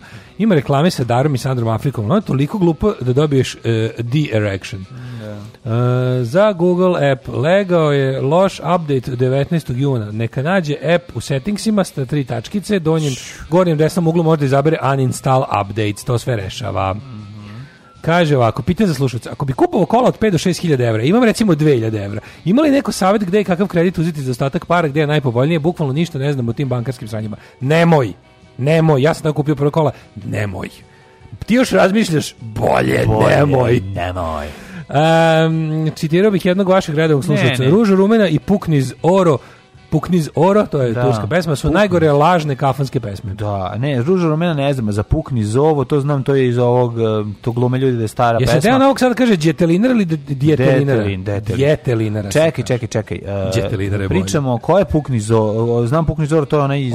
O, ovog, i eh, lažna, to je, to je pesma s kojoj su nas naši pradedovi višli u prvi svetski rat eh, lažno. Znam, to je ova iz... Ovog, Magnifico magnifiko a bila je u, ba, u ovim, kako se za Senke na Balkanu? Ne, u, u, ne, ne, ne, u nekom ranijem, nekom nekom tih ovaj kako se kom film? Nisam nekim bilo nekom ti, a neki ono čarape kralja Kraljoslava, neki da. ono prvi svetski rat pobedio drugi svetski rat, neki da, ono, dobra, dobra. ono kako se gode bilo u nekom ja, od tih filmova. Mislim da je u ovom bilo Pukni zovo, al dobro. ne. Nije bre Pukni ne, zoro iz nekog ono to Pukni zovo, to je moja baba smislila kad je ovaj kad je kada mi ciknula litra zove, da je da. uzela i razbila, rekla Pukni zovo i svi smo se veselili. Baš da su ja, ja, ja, nisam ja tu pesmu uvijek kad čujem taj refren, jer to neka incestuozna pesma, to nešto k majici ima nekih čudnih poriva. Da, dobro, da, uvek da se gleda stara majka u svim tim. Da, da, da. da, da. dobro, taj da. ljubav prema Milfu. Monte vide je pukni zor. A, izvinjam se. Ljubav prema Milfu i Gilfu je ovaj, e, dobro, bijela je, ovaj, bijela stoji iza priče, to sam te da kažem. Kad se uz tu pesmu su, je moj prađed Kako prešao. Mi, da ti staru majku gledam, da ti staru strinu diram, sve te, uz ono, mito pesmu, ti, ti sad se zajebaš, ali uz tu pesmu je moj, de, moj pradeda išao, yes, da. No. ovaj, prešao je Albaniju kolima. Tako je, prešao na, u Rikvers kolima. Kad na more. Da.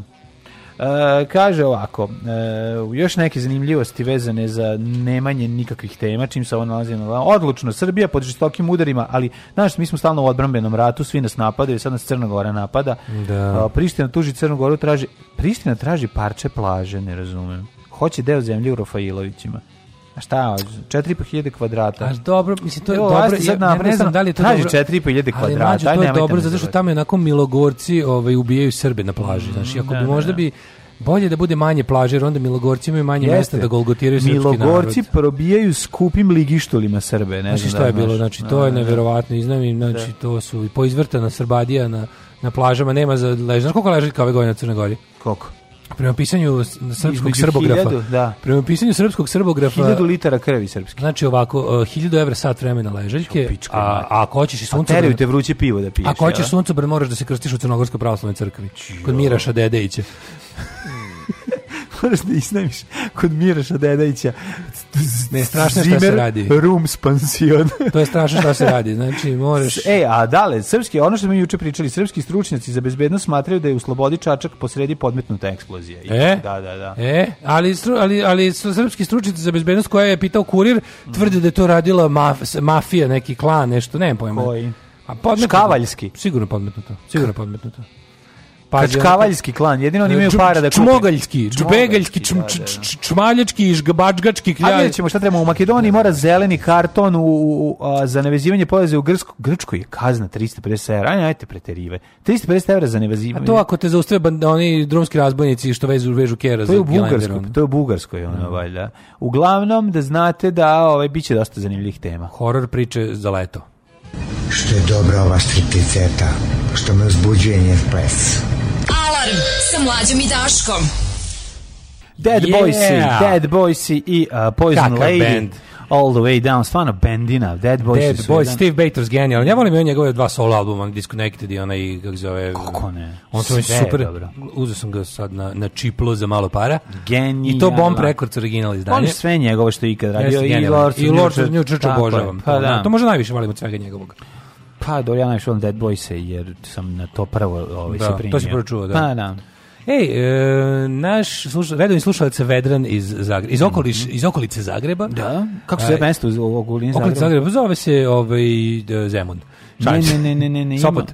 Da, Sopot. Sopot. Da, da, da, da, da, da. tako da. nešto. Ovaj Čale njegov e, izdo knjigu, pa reklamira. Kaže, posjetite sajt, a sad ću kaže kako da odete na Ove, ovaj, www.brankotolic.com mm -hmm. Kaže, ima knjiga, mo, kaže, mnogo, može skupo da se naruči iz Hrvatske, ali ima varijanta da ako bude zainteresovanih se dobaci i u Srbiju. Pa evo ja sam zainteresovan, da ću ja da kupim. Njegov Čale izdao roman, kaže ovako, Čale, Čale 65. godin izdao roman, ceo život piše, nikad ništa nije izdao. Kad sam bio klinac nije bilo baš lagano, došli smo iz Zenice u Zagreb 90-ih, tata je socijalni radnik, ali je kopo kanale, sad je u invalidskoj mirovini, onako klasično zajeban život, Kaže, ovaj, eh, odlučio sam da to sve njegovo dignem na više nivo i da mu se odužim i da izdam njegovo delo. Odlično. Knjiga je Odlično, došla bravo. iz štampe. Odvija se na relaciji Zagreb Novi Sad Zenica. Pa Roman. to mora, pa nema šta lepo. 120 kuna Zagreb, knjiga. Novi Sad Zenica. Ma koliko god je da. kuna. E, tako da Znači plaćamo u životinjama, je l' tako? Da, da, da, brankotolić.com. Ajde, ovaj kako se zove, ako će ja sam zainteresovan da prvi, hoću kupiti tu knjigu. Sa potpisom. Novi Sad e, Zagreb Zenica i zanima me taj to je taj neki, to je taj neki mlađin novi, ovaj, to je to su gradovi koji omeđu, omeđuju mlađi životni prostor, smo proizmislili. Mm, nema što si mislim, mislio, ja, ja, ja te razumem balkanski trouga, da više prodamo knjiga. Bezmudski trouga.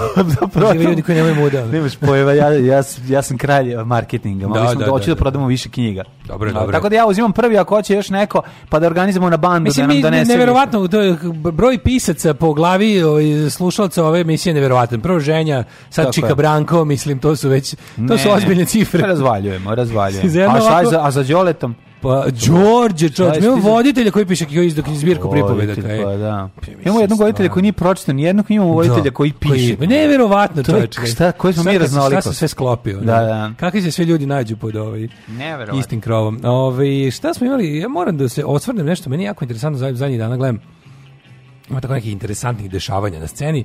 Ajde, ispričaj mi nešto o Sjeniši malo. Pa ne, to je nije to nova epizoda, to je od pa prošle nedelje još. Pa ne, to je, a sad je to, nova, to, to gledaš kako kreće nova, kad kreće nova? Pa to večeras je Dragan Jevučićević epizoda, pa ja, ja junaci doba da zlog. Ja ću pogledati Sinišu Malog, al, al Dragana Jevučićevića ja znači, bolje. To pogledati ili neću odmah večeras, će mi biti malo mnogo mm. toga svega, ali ovaj Super mi, junaci doba zlog mi je baš dobro. Sam kad bi malo mogli smanjiti s tom forum, kao ono kad je god neko došao iz nekog malog mesta, uvijek se to jako potencira. Kao, ispadne da su da. Dodik i Ivica Dačić od to što takvi kreteni kakve su, zato što, zato što nisu iz grada. I to mi da. tako ide na žice. I onda kao kad onaj... Je, to, pa Siniša je iz, iz grada. E, on je pa ultragradsko pa, dete. Da. Evo, znači, sva tri, možda najveći od sva tri Ana Brnavić je zvore, Možda od sva tri ova koja se na najveći, najveći lopov od ove trojice, možda čak veći lopov od Dodika, Siniša Mali, ovaj, vam je eto, ono gradsko dete sa srebrnom kašikom iz, iz, iz, iz visokoplafonskog starog Beograda. Mm. Tako da mislim ta priča da se a to najviše na tome insistira ovaj matori novinar Stupar. On uvek kad iz tog svog sela kad je to njegovo to selo ta to selo iz kog je to je ta sela iz kojih su oni. Stalno to mora da ono to mi tako ide na kurac ono. Znaš kao da stalno se vraća to i tako da on to svoje selo na, na, zato je to zbog onog svog sela svog njegovog. Procentualno ovaj jedan jedan broj gova ne dolazi iz ruralnih i urbanih. Moguće da čak više dolazi iz urbanih dobri. zato što više ljudi živi u gradovima u trenutku pa, u Srbiji. govorimo sada a po broju ljudi koji da. dolazi mislim. To mi je to, mi je sad... inače inače super serijal, super istražen, super nema nema nema ono kao nema nema ovih e, ni, ništa nije onako podređeno se. Čak i kad mi neki sagovornici ne odgovaraju otprilike kad mi se Marko Bastać pojavi da priča se niše malo malo mi je ovaj ali ako ako to što kaže slučajno bude istina što može Marko Bastaću da se desi da. jebe ga nekad u rijetkim trenucima kada ovaj nije lago. Ovaj što da ne, ali uglavnom čini mi se da je dobar defekt da checking dobro odrađen za dokumentarac i odlično. I super radujem se svakoj novoj epizodi. Pogotovo mhm. što ovaj tretiraju sve moje omiljene ove ljudi zbog kojih ne mogu spavati. Da. Ove, to je, večeras imate Dragana Jevučićević, čovjeka sa čmarom umjesto usta, ali ovaj, vratio bi se na ono što je bilo kad su, kad su pitali ovoga na danu Murije, onom tamo gdje je bilo nesvešćenih pandura, kad su pitali Vučića za, ne znam, za, za to kao, izvinite, šta će, će, će, će se desiti nešto E, kao šta, šta je bilo kad ste sklonili ovo kad kad ste promenili vladu, mm. kada si stavio Nebojšu Stefanovića na mesto, ovaj by the way bilo mi interesantno da vidim Dušana Mihajlovića u publici tamo kao bili su svi živi, svi još uvijek živi ministri policije su bili pozvani na proslavu. Nije došao. Ja da bio bio i Dušan Mihajlović. Da je bio Brksan. Da. Ali ima brkovi dalje. Pa mislim da ima, da. Čini da se da prepoznao sam ga. Jedan period bio bez brkova. Svi zalim, svi ne znam. Jedan album je izdao kao Lemi bez brkova. Overnight Sensation. Ima brkova, ima. Ove, ne znam. Da, ali tamo je bio sa ostalima. Ali je ovaj um, da. onda kad su ih pitali, ne znam šta je to za za ovaj za, za to, da li je moguće, će, će, neka, će, će jedna stvar u ovoj zemlji dobiti svoj sudski epilog? Šta je s tim, kao, šta je sa vezama? Vi ste, kao slušali smo mesecima o vezama Belivukove grupe i, mm. i policije. Šta ste zatekli kad ste, znači šta je Vulin zatekao kao u fazonu od službenih materijala u trenutku kad je preuzeo kabinet? To je jedan Vulin jasno rekao, neću da vam odgovorim, boli me dupe, vi ste a, za mene, ono, ne postojite. Vi ste provokatori. A Vučić išao korak dalje u ludilu, pa krenuo, a što ne, ne, što ne pitate Dragana Đilasa i Mariniku Tepić o zemunskom klanu? Znači, ja znam da su oni mlađi, ali ti kapiraš da su oni mlađi toliko skuvali javnost u Srbiji da, tu, da ljudi više ne pamte stvari koje su bile relativno skoro. Ne znači što ne pamte, nego šta, ovo, šta to I znači sve što si više pitao. Ne, znači. Pa ne, šta to znači što on si pitao? Pitajte Mariniku Tepić o Zemunskom Ali mlađi, koliko je on pogani, koliko on, ono, znaš, meni, meni izluđuje taj njegov, ono, to je stvarno, Znaš, ja, ja bih volao da kažem da me to ne dotiče, ali ja, kad bi prestalo to da me dotiče, to bi značilo da me, da me prestalo da me zanima ono da, da sam prestao da razlikujem istinu od laži i dobro od dobrog od zla. Da. I to je jednostavno nemoguće. Da, ja mislim ja se nadam da mi da mi da, ja se nadam da nikad neće doći trenutak kada me takve stvari no, neće pogađati. Ja hoću da me ovo pogađa, majke mi, onda mislim da sam ono normalan čovjek. I dokle god me nervira to njegovo, to je, Znači, pi, zašto niste pitali Đilasa i Mariniku Tepiću ze, o zemunskom klanu koji je bio za vreme njih koji je, i koji je čak ubio premijera Srbije? I ka, ja ne znam kako sad taj, ovaj, kako taj novinar izraže, ono kad ste se napili od sreće, ja bi to morao reći. Da. Ja bi to morao reći, makar mi 40.000 pandura ubilo tog trenutka. Znači, makar svi povadili službene pištolje i izgađali me svi 40.000 u glavu, ja, kao, ti, ti, sad ti lamentiraš na Đinjići, da. pokušavaš, šta, šta to znači? Znaš si pomenuo ubijenog Đinjića u kontekstu Đilasa i Marinike Tepić? Da. Kako si takav gad jebote bog, ono? Gde je kraj tvoje, tvoje gadosti, ono? Ne, to... I onda, to, znaš, ono pričaš tako, pričaš tako te stvari, e, zašto je, znaš, zašto, zašto ljudi, zašto je čovjek piše na sred ulice? A niste pitali zašto je jedan čovjek pre 200 da. godina pišao u jednom drugom da. mestu u Srbiji? To, to, to niste pitali. A sad da, kada ovaj vam piše na kuću, to pitate.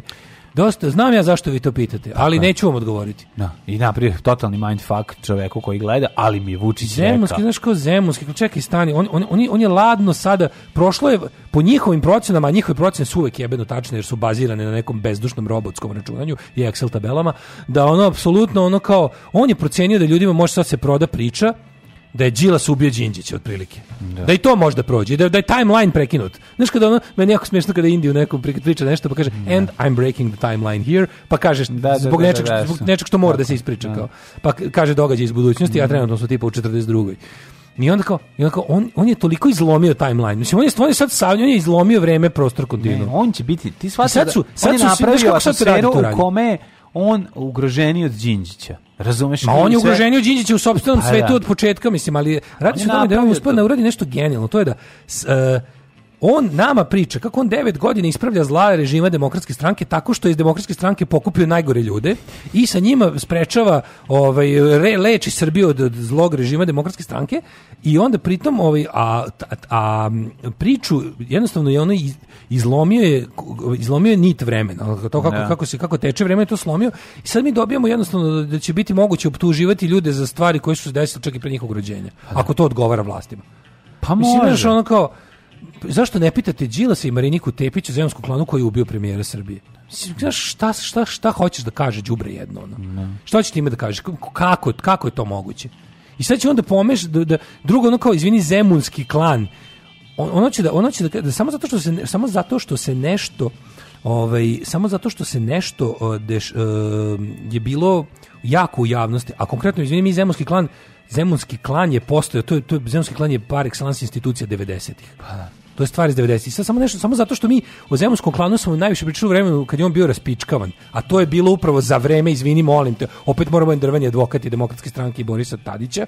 To, te sve stvari su se desile nakon što su on, znaš, on, on toliko laže, znaš, on, ljudi su toliko sluđeni da možda im laže stvari koje su za njihovog života desile i koje su, čim su oni bili savremenici, čak i svedoci. Da, bre, ljudi Sad on, zaboravljaju on nama, za nedelju dana stvari koje se desile. On nama polako prodaje priču o zemunskom klanu kao proizvod demokratske stranke iz 2000-ih. Da, da. Razumeš? Zato da kaže, bilo je klanova i ranije. Pa ne, za, dve, za, za godinu dana ćemo moći da kaže da je Ku Klux Klan osnovo. On razumeš da su ga osnovali, nemam pojma. Pa ono, neći, ne tako... davimo Beograd i, i Marinika Tepić. Ne, ti znaš šta će oni raditi. On, oni koriste poznate neke opšte stvari koje onda menjaju. Mislim, to je stalno izaberi svoju pustolovinu. Okrenu stranicu 65 i povežu stvari sa, sa stranicom 13 i prave ovaj scenario koji će nekom ko sluša mu će mu se upaliti lampice na dve poznate stvari, a to je da je Đilas lopov i da zašto ne bi on verovatno radio glavi i Đinđiću. Ali ne, ne, ne. Razumeš što je to? Ali meni je, tako... Što, što, ću ti kažem, meni je ovo jedna od najkrajnjih, onako naj... Znaš kad se ljudi pitaju kao, e, kad mi neko kaže kao, o, ma, nisi partizani četnika i to kao ispravljeni streko, ček, izvinite, ali ovo je direktna posledica toga. Znači, jednom kad je ljudima objašnjeno da je crno-belo, belo-crno i da ono što je bilo nije bilo, a da nije bilo ne. ono što je bilo, onda jednostavno kreće, to, to je isti recept, to taj paprikaš od svega, de, de Vučić uči izlazi odlazi, da nam, da nam on priča o ubijenom, o ubijenom Đinđiću u kontekstu odbrane sebe i da napravi jednu jednostavno gde sve može situaciju. U kojoj ono, mi treba da zaboravimo na kojoj on strani tada bio. Mi treba da zaboravimo što on klan je... Ali ne treba ti da zaboraviš na kojoj strani On priča ljudima koji su zaboravili sve Razumiješ, on, on se obraća ljudima... Ja mislim da se on obraća koji... i meni, tebi u smislu da, da nam time poručuje, e, vi zavisnici od smisla, najbali ste. Ma da, to, ma ne, vidjet ću, ja, ja sam ja gospodar života i smrti, ja, to je ja to. Sam, pa ja sam, da. ja, on više nije gospodar života i smrti, on je gospodar logike, ne. koju, koju, koju jebe u dupe. Znači, ono, bukvalno, logika leži zaklana u jarku.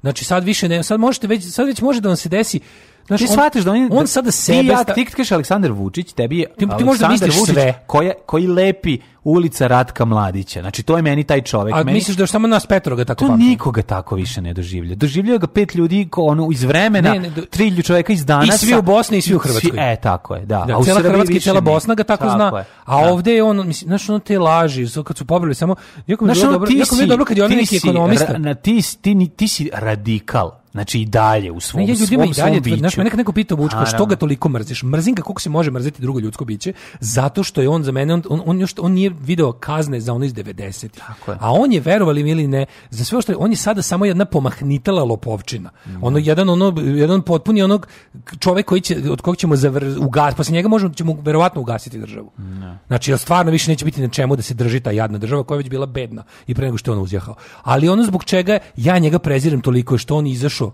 on još nije platio ništa za ono što je 90 90 ih su od njegove politike umirali milioni, znači od politike koju on zastupao, čiji je on bio deo. Znači on je bio deo jedne ogromne zločinačke mašinerije i to kad ljudima pričam kao ajde kao znaš smiri se samo kad skoči da. ti pritisak. Tri dupla viskija. Možete Valentine, Johnny Walker, Black Label, White Horse. Dupla, brate. Nema da kenja, brate. Tri dupla viskija. Alarm sa mlađom i Daškom. Kaš, sad smo bili Čopasa, Daško i ja pa se smemo. Ovi, Čopasa, Čopasa iz, iz Spaceballsa. Iz Spaceballs, da, čuvenog e, ovi, Kaže, ja rekao Cepelini, nisu su Karsi bili, mm -hmm. Zemunski klan iz Zemuna, ko je držao Zemun, da, na, na, na. Pa ne mislim to kad bi se mi trebali tako dobacivati s njime. Što je najgore mi, a pazi, ja i dalje, pazi, i dalje on radi te stvari koje radi i izluđuju me a i dalje kada neko iz opozicije pokuša na taj njegov govnarski način da mu odgovori ja popizdim. Pa naravno. Zato što sam mu neće to, ne, nećemo to nikad. mi moramo ne, da se razlikujemo od njih. Ne možemo pa, mi da. da budemo koni. Znaš, ono jednostavno nije isto kada znaš, ti kada moraš Tako, na ti ne kada mi da moraš... da vozimo skupa automobile i vezu, mi ćemo da vozimo jeftinije. Pa ne, nego znaš kada A nije pravu si to, da. ali to, to Ne to, možemo i da budemo konije. Ako... Čekaj, to vodi do milion drugih stvari koje u životnih ono svetonazora, ponašanja, svega drugoga, što te dovodi do toga da ne možeš da budeš kao ni na milion. Ja mislim, znači, ja, ja, ja mislim da kao u slučaju ne znam fašističkog nasilja antifašiste moraju da budu jednako nasilni kao fašisti čisto da bi mogli da ih dobiju ali ne smije nikad se ponašati kao oni znači razlika između ne smiješ nikada da kreneš da se ne znam svetiš ljudima koji nisu direktno krivi tu si onda posao isti kao oni ali dokle god udaraš na ono ko je direktno kriv znaš ono kao uh, moraš da moraš u, u, borbi koliko god koliko god te ta borba obuzela koliko god izgubio jer ono jednostavno hteo da priznaš ili ne bilo kakav ulazak u borbu tebe smanjuje tvoju ljudskost borba je da. takvo stanje i zato nije prirodno i zato zapravo zapravo je ono kao ljudi koji vole rat i sukob s njima nešto nije u redu. I, pa, i idioti ko, da sa desnice koji ono prikazuju da je ono kult, da je život, da muškost, kult večnog rata, muškarac ratnik. Mislim, takav život je idiot, to je, to je, to je nakaradno. I nikad ne, sme, nikad ne, ne treba preuzeti taj mentalitet, ono, to je, to je potpuno bolest. Tako da, me užasno nervira kada gledam tako neke jadne na Žal za ratom i to što kada gledam imaju, jadne, u glavi, to je, da, to da, je da, da, žal za ratom. Kada da. To, tu pokazujemo svoju pravu prirodu. ti to prava priroda, ti treba da uši zatvoru, pička ti da, mater. Da. Bolesna, treba te skloniti iz društva ljudskog, ili u šumu, jeboti pas mater. Ali ono, ovaj, fore što fore što ovaj, kada gledam, recimo, znaš, kada gledam opoziciju, tako neku, neku te gledam, te tako narodna stranka ili se Pa kad oni pa pokuš, kad oni kao pokušaju da pa. igraju e, na prednjačkim formama, pa tako natežu neke ono, da. natežu neke ono, nemojte to da radite, nemojte, bolje da nikad. Ali niko znači, to nije dobar, što je najgore, ne može Što je najgore, da. ne umete samo jednostavno i ovako jadne sebe unižavate u smislu da i ono malo nečeg što bi se moglo nazvati ono natrusi kredibiliteta vam nestaju. Tako da ono, kad gledam... Pa ni Jeremić ne može da radi. Kad gledam ono, niko, niko, glup, ili kad gledam idiotsku i glupu konferenciju za štampu nepromišljenu Marinike Tepić, kineski radnici napad napadaju naš. Znaš, ono da. nemoj, da mi bo, nemoj da mi borba za radnička prava protiv onog kineskih eksploatatora ode u jeftin rasizam. Ne, ne, ne. Jer šta time dobijamo? Ništa. Dobijemo gore po društvu. Dobiješ, do... Da- dobiješ nabacuješ loptu na vola i Boško Bradoviću, razumeš i pa to pa, je sve. Da, pa nabacuješ vo, pa, loptu mislim. na vola i bilo kome da ćeš na kraju imati pa, ništa da... nisi uradila za radnike i za ekologiju, a, na, a, a, a gurnula si još društvu gori socijalni problem koji se zove rasizam. Znači, ako ti je problem s kineskim investitorima to što su kosoki i drugčijeg malo tena, onda, onda nismo na istoj strani. Znači, nemam ja, znaš, kao nije, nemam ja problem da ovde dođe milion žutih ljudi, nemam problem da dođe ovde milion zelenih ljudi. To nije problem. Problem je da se tu krše radnička prava i, i da se truje životna sredina. Treba samo o tome da pričamo. A ne o tome da tvoje tebi kao meni grozno da zamislim žutog čoveka s belom ženom. Boli me dupe šta ti je grozno. Znači, boli me dupe o tome, ne, tu, tu, tu, tu ono kao kako ti kažem, tu, tu, tu nismo na istoj strani. Ne. Znači, manje me ti gluposti. Kako kinezi napastu, znaš mislim, ono kao to se, bilo koje seksualno uznemiravanje i napastvovanje je ono, što je bitno, ko, šta je bitno koje je ovaj, boje kože čovjek koji je napastao bilo koga? Što je to bitno za, za bilo šta? Mislim, tako da, a to je, to mi je skroz, znaš, to mi, i to je onda, znaš, i onda lepo izađe ovaj, kaže, uh, Vidite, mislim, naši kineski prijatelji koji grade ovu zemlju i koji, ovaj, kako se zove, nam pomažu da, da. napravimo ekonomsko čudo, koji ovde otvaraju radne mjesta, mislim, sve te njegove, ponovi sve te gluposti i floskule koje ono... Znam, mislim, ako ti on kaže, nemojte biti rasista, i na, to, i na to ti kaže, da, da, da. a ovi rasistički, da, zatvoreni da, umovi iz opozicije, poput Marinike Tepić i njihovi sledbenici, Znaš, mislim, to je bilo kad se napravio protest protiv Ling Longa treba da bude isključivo protest protiv ono kao nenormalnog trovanja životne sredine, kršenja svih zakona ove zemlje i radničkih prava. A čim ti skreneš u Kinezi, žutači i ostalo, pa mislim kretenci prvo što ćeš izgubiti taj spor, a drugo što ćeš ono, kako ti kažem, stranu koju navodno braniš gurnuti u još duži, dublji socijalni mrak. Ne znam, ako, ti misliš da te radnike koje treba da se organizuju u sindikat i traže svoje radnička prava, ovaj, da im pomogneš tako što ćeš ih ovaj, učiti rasizmu, jako si ih zajedno. Ne možete Vučića u desnoj ideologiji pobediti nikako, kako god, šta god radili, jednostavno to je njegova igra, on to igra čitav život i na kraju krajeva nikad nije izašao iz tog moda, samo je odradio mimikriju Ljotića i to je to. Znači da. nemojte se, nemojte, nemojte se primati ne. na da. to, ali S druge strane, onda, e, mislim, ja, ja ne razumem, ja, ja, ja shvatam šta oni pokušavaju, ali to, to jednostavno nikada nije dobro. Nećeš ti o, otkinuti. Znaš kao taj pokušaj da ti se dodvoriš desni, de, pokušaj da desna, po, po, pokušaj da nadesniš Vučića. E, da, to je potpuno imbecilno. Vučić je znaš trenutno to, ne, to, što, što postoji jedna mala e, veštački forsirana Svi i drugari sa slave, mislim ne ste vi nikad pazi, moći. To što im postoji jedna m, relativno mala dobro finansirana od strane režima, režima forsirana desna opozicija Vučiću. Pa mislim, nemoj da. njima da se uvlači, to je tu na zadatku. Da. Oni su njima zašto ne bismo pokušali? To isto ja pričam sad o izboru. Zašto ne bismo pokušali da na sledeće izbore izađemo? Kako treba malo se kao da se okrenemo od ideologije. Ne, ne. ajde sledeći da. izbori da budu prvi ideološki ikada u pičku materinu. Ne. Da. Ajde da izađemo mi, mislim, u ideologije u najopštijem smislu. Ajde da bude levice i desnice na izborima makar nešto da da, da kažemo ono da. ovi, ovi ljudi imaju ove vrednosti, ovi imaju ove vrednosti da vidimo gde stojimo kao društvo. To je jako važno. Zato što sve ovo, zato što sve ostalo je kreirana stvarnost. Sve ostalo je kreirana stvarnost, što neko reče, kreiranje alternativne realnosti je ono što mi najteže pada i definitivno nešto protiv čega se treba boriti konstantno. Uzred, hvala vam na tome. Imali smo isto to kreiranje laži 90-ih kad je mladi ministar informisanja tek pekao zanat.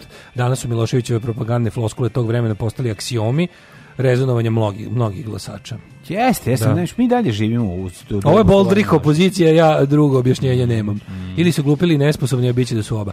Znaš, i onda kao kad... Mislim si... da neki čak i rade za ono, vladajuću kastu. Mislim, ne, ne mogu da razumem da toliko glupih ne, ne, poteza... Ljuba Živkovi apsolutno u pravu. U Srbiji da. postoji nešto što se zove politička klasa i oni da. su đutore moji neprijatelji. Jeste. Pa, su, oni, politička klasa u ovoj zemlji su đutore moji, ono što bi Marks rekao, a Ljuba Živkov lepo ponovio i osvežio, moj klasni neprijatelj. To su ljudi koji imaju interes da u Srbiji ne bude dobro i oni se mogu deliti i na režim i na opoziciju. Ti tačno vidiš ljude koji ono, mislim, znaš, greške koje ovaj režim pravi su toliko velike, one rupe koje on ostavlja, to bi svako jole sposoban iskoristio da želi. Dolazimo ergo da niko ne želi da preuzme vlast od ovih. I šta je fora svi bi da tako neko participira na nekom nivou gde se može nešto kraduckati i da svima bude lepo. I, i šta imamo? Imamo u stvari jedan čitav lopovski sistem u kom svi ljudi koji se bave politikom zapravo predstavljaju jednu lopovsku od naroda otuđenu klasu koja si življava nad nama. I mislim onda do ne, neću da kažem da su svi isti, više bi voleo da se, znaš, trenutno posle no, nisu svi isti. Pa dobro, znaš, posle 9 da. godina Vučića želim da se malo nadano ni življava neko drugi. Mm. Sa malo ono, znaš, na primer, mislim, ali možemo da, tako. puta smo rekli da ono možemo da je ogromna tako, razlika između Borisa Tadića jeste, i Aleksandra jeste, Vučića. Jedan je žao, jedan je zao, jedan glup. Pa da. A ove ovaj, i fore što kad pričamo o tome, znaš, na sledeći beogradski izbor svi ujedinju, zašto bi? Aj molim se, ako cilj da se skloni Srpska napredna stranka. Što bi neko pravio predizbornu Ne, nemojte koaliciju? praviti od Srpske slobu od njega. Znači, da. znači Vučić nije sloba, Vučić ne vodi ratove. To je prva stvar. Dakle, vi nećete imati... Ne, nećete imati itno, sferu. Druga stvar, Evropa nije protiv Vučića, nije. a cela Evropa nije. i ceo svet je bio protiv slobe. Tako, tako da to su dve osnovne stvari zbog, zbog kojih treću ne moramo ni da tražimo razlike između njih. Moguće da ih i ni nema. Ali ono kako se zove, ali nije ni važno. Znači, to su dve osnovne stvari zbog kojih nećete uspeti da skinete Vučića i do, ono, došli Amerikanci, došli došli, a Bri, Nemci je došao bilo ko, svako vam je rekao na, na lep način, no, mogući da... Nama eto, nije u interesu da se Vučić skloni. Ako je vam, mislim, nećemo mi vama braniti da ga sklonite, ali mi od vas nismo ni vidjeli iskrenu želju da ga sklonite. Ne. To da vi imate, da se vi pojavite. A nama odgovara, Pazi, radi da, posao, tako, tako, da ona zabole nas. Pazi, mi bi radili s vama, ako vi, ako vi ponudite nešto tako bolje, a ja se malo bojim da je ono bolje što bi oni tražili da čuju još jeftiniji radnici, na primjer. Pa naravno. Znaš, i onda kao jedino što može da čime može da ponudi, što može da ponudiš, kao e, ako nađemo nekog ko može da nam kontroliše isto, mi znamo da u ovoj zemlji ima oko četvrt miliona ljudi spremni da ubijaju i povređuju. I Vučić ih za sada ono jedini drži pod kontrolom i na plati. Pa da. Doduše mi to isto finansiramo, ali šta da vam kažem, ti ljudi su iz nekog rata, taj čovjek je rano počeo, pa ih dugo poznaje, pa samim da. tim ima i mehanizam njihovog zadržavanja. Ali ono što sam da kažem, ide sada ide sada kao ti beogradski izbori, onda je bilo kao moraju svi u jednoj da koloni. Zašto bi morali? Ajme objasni zašto bi morali svi da izađu u jednoj koloni. Zašto bi se na istom listiću našli Endavim Beograd i Četnici? Mislim, onda, ja da ne da živim u Beogradu... da se nađe. Ne smeju da se, tako je. Prva je osnovna stvar, ne smeju da se nađe. Ja nikad u životu neću glasati za Četnike protiv Vučića. To je, to je jednostavno lečenje side rakom. Mislim, to je, to je potpuni kretenizam. Žao ćete da vratite veronauku zabavište sledeći. Kao napričevo, sledeći dogovor treba, biti... ako ne budu izašli, nećemo, čeka, izvini, Nije tačno. Na kraju kraja meni ne treba nikakav inženjering stvarnosti. Ako u Beogradu nema posle ovog sveg vremena, ako nema 5% ljudi koji bi da, da podrže politiku ne davaju Beograd, onda je Beograd zaslužio sve što mu se dešava. I to je tako jednostavno. To je jednostavno tako. Znaš, ako ja ne, ono, znaš, neću da guram crno iz eurokrema ljudima koji vole belo iz eurokrema. Ako stvarno potražnja za belim iz eurokrema to, tolika, šta sad ja ima do njima? Znaš, i onda, a, a kao oni moraju zajedno, ne moraju. Ako recimo, izvini, izađu, u, izađu Beograd, budu beogradski izbori i sve te liste različitih ideoloških profila od, mislim, izaći će neonacisti na izbore, izaći će neki bezmudi socijaldemokri, izaći će radikalna levica ako se ono, organizuje, izaći ne davime Beograd kao neka liberalna levica, izaći će ovaj kako se zove desni centar, levi centar, sve što tu biti svašta. Ok, ako je njima ako tu, ako u tom i sad ljudi izađu i glasaju. Ako u tom, a mislim ako u 2 miliona ljudi ne možeš da ono pronađeš ono Ako tih svih zajedno nema za, nema dovoljno da u novom sazivu skupštine preglasaju SNS, onda SNS treba da vlada Beogradom. Šta je tu šta je tu nejasno? Šta je tu brate nejasno? 9 je časova. Radio Taško i mlađa. Prvi program. Kaže, molim te, ne govori to jednostavno tako je posjećeno vesiće. Ali to treba reći na poseban način, hoćete, hoćete pravog vesića. To je jednostavno tako. to je jednostavno tako. Da, malo si no, prešao u komšinicu ove, koja ima kornjaču herme, koja bi želela da kornjaču herme se skuva. Ona je žveć, žveć, žvećica, pa šušne malo. Da, malo to je šušne. jednostavno tako. Ne šušne on toliko, da, malo, malo. O, malo boj malo zmijica mu izađe. Malo on pobegne. jeste zmija, pa mu malo mm, pobegne. Mm, da, Slažem se s Daškom, još mi je tišti što sam glasao za neku koaliciju gdje je bio i Boško Bradović. Opozicija može da dogovori zajedničku kontrolu izbornih mesta, nek izađu odvojeno. Pa naravno, ako njima treba samo da preglasaju, ja se ne mislim, mogu da. fašisti i antifašisti u sledećem sazivu gradske skupštine da, gla, da glasaju za istu stvar. To ih ne čini, to su, e, to su co-belligerants. Da. To su co-belligerants, a ne allies. Mm -hmm. Znači, ne koalicije, nego jednostavno kao kao što evo, evo recimo primjer u Crnogorskoj skupštini rezolucije o Srebrenici. legal Recimo, recimo ovaj kako se zove rezolucija o Srebrenici u Crnogorskom da, parlamentu. Da. Znači, e, tu su, tu su tu je glasala cela DPS Mila Đukanić i njihovi ljuti neprijatelji koji se brinu da se DPS ne vrati na vlast i oni su lepo izglasali nešto. Tu, tu, tu je vladajuća većina pola vladajuće većine nije glasala za to. Pola vladajuće većine su mhm. četnici. I oni nisu glasali za to. Ovi što su anti Milo, a tvrde da nisu su pro Srbije, su glasali i onda da. si imao jednu, znači za tu rezoluciju je glasalo 55 poslanika Crnogorske mm -hmm. skupštine, a većina je 41. Mm -hmm. Tako da ono kao to je jedno, ono kao to je izglasano je. Izglasano. No. Tako je mislim, ako vi zaista izađu izađu na izbore ne davimo Beograd, izađe demokratska stranka, izađe Đilas, izađe Vuk Jeremić, izađu razni neonacisti do, do Jovane Leviatani, dveri, znači izađu kao izađe sve od neonacista do do levice. I sad ona ispadne da ne znam, za neonaciste glasa 2%, ne uđu, nadam se. Za Ne Beograd 5,02% uđu u Skupštinu. Mm. Za Đilasa 12%. Za ne znam kako tu stoji. I sad, ako izvini, ako oni u tom sazivu jednostavno posle bude glasanje ko će voditi, ko će biti gradonačelnik, ko će voditi grad, no, ne, gradonačelnik se bira, se gradonačelnik baš bira direktnim izborima. Ili ga Skupština izabira, zaboravio sam. Sad mi se mm, stalno mozak.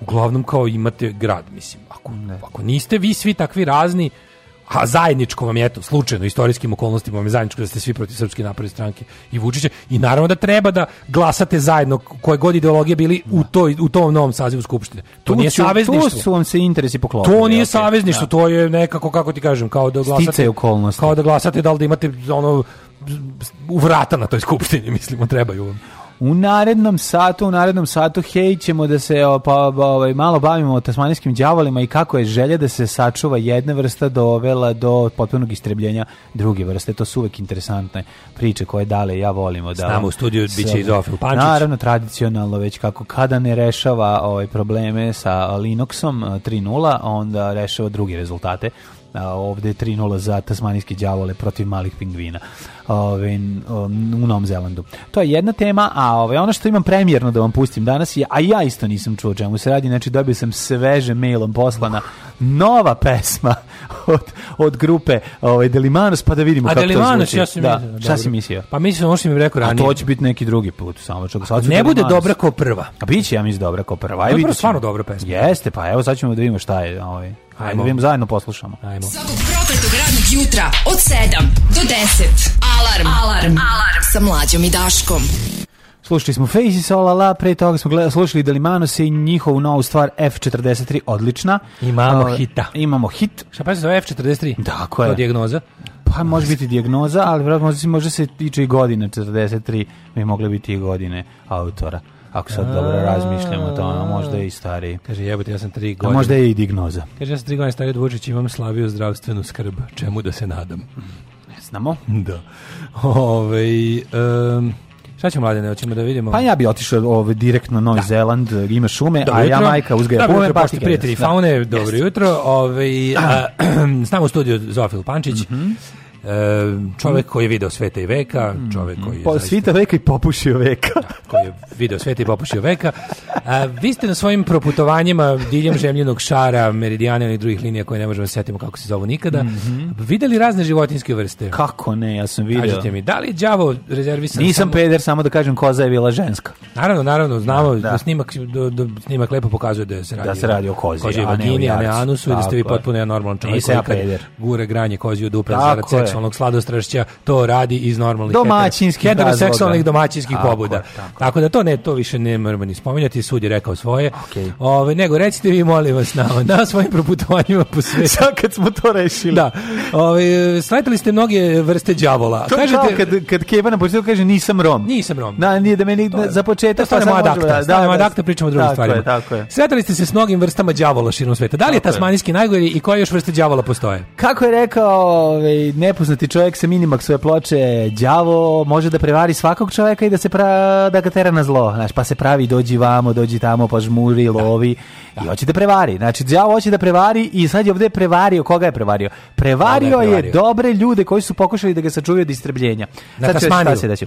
Da, a, ne znam da li znaš, ali a, priča o životu e, i u budućnosti vrste cemaljskog đavola je izuzetno Oni su ugroženi. Tužna. Ugrožene su zašto? Zato što umiru iz nekog razloga, dobijaju neke silne, silne rakove ove, i um, da. primjerci, vrlo mladi umiru od toga. I, Koliko je on sladak? pa daleko da je od slatkog, ali Ma di nije preslatak. Ma jedna prehalava svinja, užasna. Presladak je okay. neki debeli pacov. Smrdljivi sam... pacov, debeli, koji voli proždart sve, u, uključujući i držalju od lopada. Da, da presladak je. Baš, super što kada ali je torbar kada, i toga vadi. Kada, je torbar? O, Uh, Morsupilio, mislim da je. E, da, da torbar je. Morsupil. Morsupil. Ovo je morsupil, a pa, ovo je ja, ko, ja, ja kontam da sve što, ja kontam da sve što živi u Australiji ima neku torbu negde, makar na makar, na, znači, makar na čiviluku, da. Sve životinje e, imaju. E, ovo sad, ovo, oni su izuzetno bili nešto na granici istrbljenja e, ovaj, u zadnjih godina. Vraćeni su sa pa, onog critical... ali na račun koga? Na račun malih pingvina, znači ovako. Jebeš pingvine. Dovođene 28 sisara 2012. dovale do gubitka 3000 parova ptica. O, majko, Pobili sve male gradova. Pobegli su zabavište. Ptičiće pojelo. Pojeli su Zlikov. zabavište, ono. Zlikovci. Kaže, tasmanski đavo je... Kako ti nije ili... sladak tasmanski đavo? Pa ne, ne sladak je. Kao baš neki, mi je ono... Kao neki, onaj, baš ono uvijek izgleda kako sam... Miš veliki detektiv. Kad sam ja želeo da nacrtam mačku ili ono bilo koju drugu životinju, uvijek bi ovako nacrtao. A stvarno, kad, kada otvori usta, tako pa mu, pa mu padne ta vilica veliki izgleda stvarno mm. ko nacrtani tasmanjski đavo. A ta donja vilica... Kao taz. Da, da, da. Kao da, taz da. izgleda. Mislim, da ali da bio vratili rak su vilice, ako se ne varam, no, ili tako nešto najčešće. Od toga vratili su ih sa critical na endangered. Mm -hmm. To su uspeli. Ali su zato, zato je moralo 3000, moralo da bude ubiveno sudija Falconi 3000 pingvina. Ostrovo Marija, veliko je 116 kvadratnih kilometara, ovaj, na Tasmaniji Japanskom moru bilo je dom za oko 3000 gnezdićih malih pingvina kada je 2012. na njega dovedeni tasmanijski đavoli kako bi se spasli od istrebljenja. E, ali moramo da znamo nešto interesantno tasmanijski voz, djavoli... voz, kako ne znaš, voz sa sa ovaj 28 ping, sa 28 tasmanijskih đavola je stigao pa Dođoši. na drevnu staru pingvinsku ravnicu i rekli dobar dan. Dobar dan. A ovaj kako se zove, mi smo došli. Na, da, ovi odmah isterali kozu. Odakle su i Tasmane. odmah izbacili e, klavir, porazbijali pločice. Da, to su tasmanski đavoli. Da, odmah da. im paprike uneli na, na, na klavir i kaljevu peć stavili kozu. Ali hoću ti kažem da vidiš, tasmanski đavo ne živi samo na Tasmani, ne, nego živi ne. i u Novom Južnom Velsu. A tamo se u... zove Novi Južnovelski đavo. Đavo, da. Da, da, da, da, pitan, da li postoji li još đavola? Da li je... Kako ne? Imamo li ličkog đavola? Pa ne, imamo li... Ima crnoki đavo, ne znam. Da, pesmu. Što mi dušu razbole. Razbole, da, da. Ima crnoki đavol. Dobro. Imamo, ima različitih, da. Imamo đavo pod šeširom, mm, zato je bolje da mhm. šešir nemam pod njime đavo. Đavo dremam. Da, da ima da. đavoli, đavoli, đavoli iz pesme Đavoli. Tako je. Da, ima đavoli i sa Neno Belajem i tako dalje. Madne, kaže. Shvatio sam nešto upravo dok smo pričali. Ne postoji ni jedna životinjska vrsta koja je bog, postoji samo đavo. Samo Zašto ne postoji norveški bog ili ili patagonijski bog? Zašto postoji samo đavo? Ima božja ovčica. To nije to. Nego šta je? Nije onda Božija, pa mislim ima Božije nešto, mislim, ali... Božija ovčica znači nije đavolova. Nije isto. Može ti biti Božiji nešto. Izvini, ali isto da budeš... Ima Bog, kažem? ima Bog. Koja je životinja Bog? Stoboga. Stoboga? Stobogan. Stobogan. Ali je, ovaj, kako se da, nema, vidiš, vidiš, vidiš satanisti vladaju zoologijom. Strašno, to Satanisti, je strašno. to malo se o tome pričalo. Naravno. Znači, Kuanon zavjera mora prvo, nakon što je raskrinkala ove jevrijske jedače dece pedofile u pizzeriji, sledeći Tako, da... priča se vidi, o mom snošiju sa ovcom Daisy, a ne priča se o tome šta radi satanist. satanizma na zoologiju. Tako je. Kaže ovako. Na ostrovo dometo 28 planinskih djava 2012. godine, a do 2016. izbrojeno ih je oko 100. Znači, Uj, bre. žive, žive i rastu. Čekaj. Ne ovako. Erik Willer, e, Remark, osnivač e, organizacije za zaštitu ptica na Tasmaniji, rekao je da gubitak ptica tužan, ali ne iznenađujući. Svaki put kad ljudi namerno ili slučajno uvedu sisare na okeanska ostrava, ishod je uvek katastrofalan za jednu vrstu ptica. Gubitak 3000 parova pingvina je veliki udarac, rekao je Viler, iz 2011. godine. Sad, da li ova, pazi, tu su mali pingvini, pretpostavljam da ih još postoji na nekim ostrvima, tako da... Ovaj, ovih... Čekaj, neka posebna vrsta pingvina koja je... Ili su mali neki... pingvini, patuljasti, verovatno. A ne, ali nisu neki, mislim, Nisu neki, mm. nisu neki, nisu mali pingvini deca od Če, velikih pingvina, to, ne, nego vrsta je mali pingvin. Aha, patio ste pingvin. Da, tako da. da su njihova jaja, imaju jako mala jaja, i onda im, da. i onda im grizu tasmanijski đavo ta mala jaja i onda je to strašno. Ono što, ono što tražimo, znaš kako se zove bolest koja ubija tasmanijski đavo? Devil facial tumor disease. Pa kažem ti da je vilica. DFTD, znači. ali na licu izgleda stvarno da. jezio, sad sam kliknu na sliku, izgleda kao da ima lepru. Jako mi ih, znaš kako bude, to, ta slatko malo živuljkice se pretvori baš jako nešto strašno. Ove, ovaj, I 2008. je Endangered i onda vlada ove ovaj Tasmanije preuzela razne mere da ih ono, da definitivno zdrave jedinke izdvoji Mm -hmm. Ali onda su te zdrave jedinke koje izdvojile jako istrčavale na put i jele roadkill i gazili su ih ljudi kolima. Jel jesu? Pa kad su retusi. Da, mislim da. i ljudi i tasmanjski đavo. Pa dobro, nešto nemaš ti tasmanjskog đavola naučiti, mislim ne, da. Ne, može to je prosto da nije jači, da nije jači od da. od od Audija Q10. Mislim to jednostavno da. ne znao, on, znaš, on on jo, se bože, zaleće. Kako ti nije sladak to smajski đavo? Pa kao neka mešavina pitbula i i, i miša ono. Kad krene, ua, kad krene to da vrišti, ne, on, ono, on, kao da gleda ono životinsko vidimo se u čitulju, da, razumeš, ono.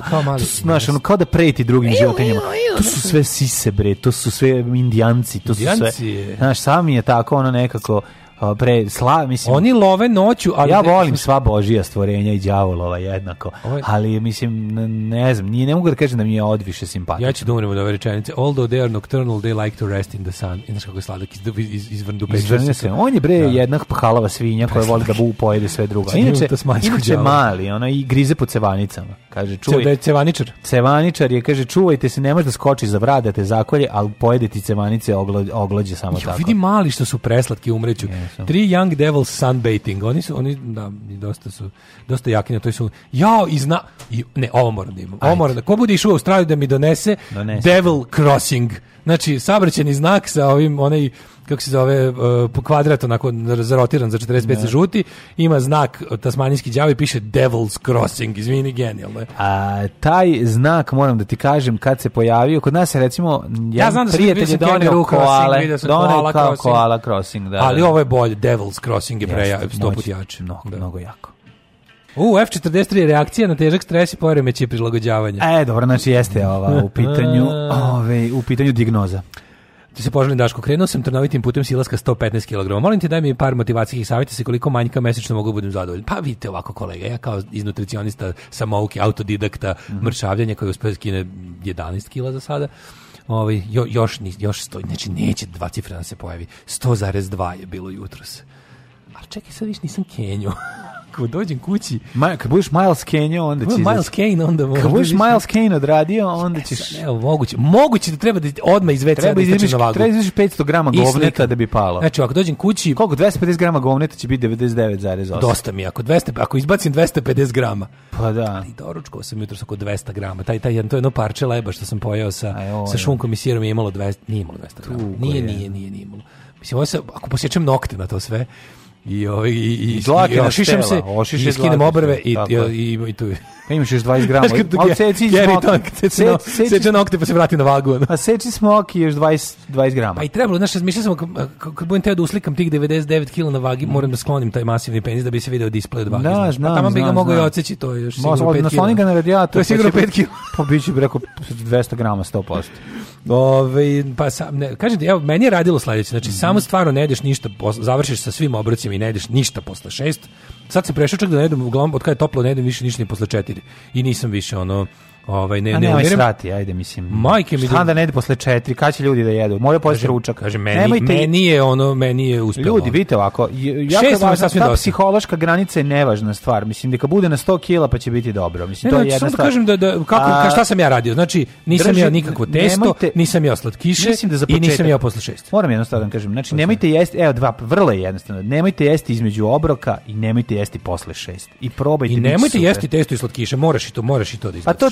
znači ja da ne jedi izme, između obroka. To to zna. A pa ne, nego nemoj za ručak jesti špagete, što sam ja obožavao najviše na svetu. Ja sam sve živo pravio s pastu, sve.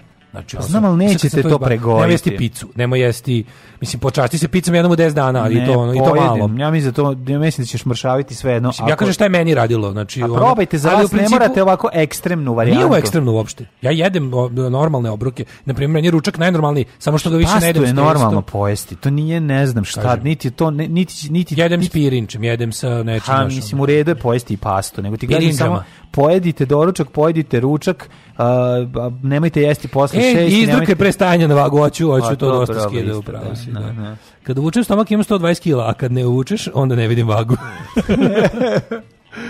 O, zašto ignorišite moje dojave da legende sviraju na seosku slavi u Vrniku? Ja se izvinjavam. A s kojim, s ovim pevačem? Ja se izvinjavam. Ove, ovaj, sad ostaje samo da pingvinija parhije Hobartske i cijele Tasmanije pokrenu litije protiv djavola. Mm. Ove, e, Daško, zanima tvoje mišljenje o Nini Radulović, ex Lečić. Da li jedno su više mlada da padne u sferu tvojih interesovanja? Rećemo da da. Um, Nije su više mlada, ove, prešla je davno u kategoriju MILF, kaže, tako da pesma, dale to neguje. Koja pesma je bila pre par uključenja nešto You like a cool, cool sun? Mm -hmm. Možda Beast of Bourbon, verovatno. E, to je, kako je to su, Beasts of Bourbon je tako da. dobro ime, to je genijalno. Da, da, odlično. Pošto igra reči na Beasts of Burden, što da, znači da, da. tegleća marva. Mm -hmm. Ove, ovaj, e, Kaže, ne slušati mlađu, izbacivanje testina jeste osnova svakog uspešnog mrša. Verujem mi, bre, čovječ, testina je zlo. Jo, dobro jeste. Ok, ja vam kažem, sada imate ekstremno mršavljenje, imate ovo normalno, ekstremno, čovječ, obično kad, jedete sluši, obroke normalne, ne da jedete kažem, posle šest ljudi, kad ne jedete posle šest, jedno obrok. sedam do deset dana će vam biti jako teško, pogotovo ako ležite oko pa da, ponoći, pa da, da šest sati faktički mm. idete gladni u krevet. To je najgore da izdržati. Kad to izdržite da ne pojedete ništa, u tom periodu posle deset dana vam se će vam biti lako. I ja i sada u devet uveče imam krizu kad bi nešto pojeo, ali više više nije da me onda mi onako Tako je. nego samo ono u fazonu izdrži baš kao nije mi pakao. I Vidite u fazonu, ovako, to, to skidanje takozvani cold turkey, koji kako da. se što se daš poleze na kraju, More tako. vrlo lako možete zavoliti Isusa i završiti u lokalnoj ne, crkvi. Šans, Mislim i to je moguće. Ja sam veći eh, antihrist i, i, i nego ikada. Upravo zato što krivim krivim ovaj kako se zove. A kad otkriješ da je đavo kriv za kilometre, a to, a za da. kilograme koji drema pod šeširom, ideo mi u đecet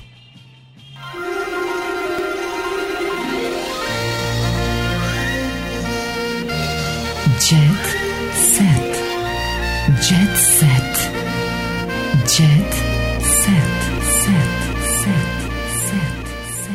I naravno, ovaj kako se zaprepostavljam da da je ovo Što rekao, reći, možeš da ne, moraš za da napriš, mislim, a i za ljude koji se bave kompjuterskim poslovima. dosta ha. Da. jednostavno. Kalorijski deficit znači da potrošiš da. u danu više kalorija nego što uneseš. I to će doći do mršavljenja.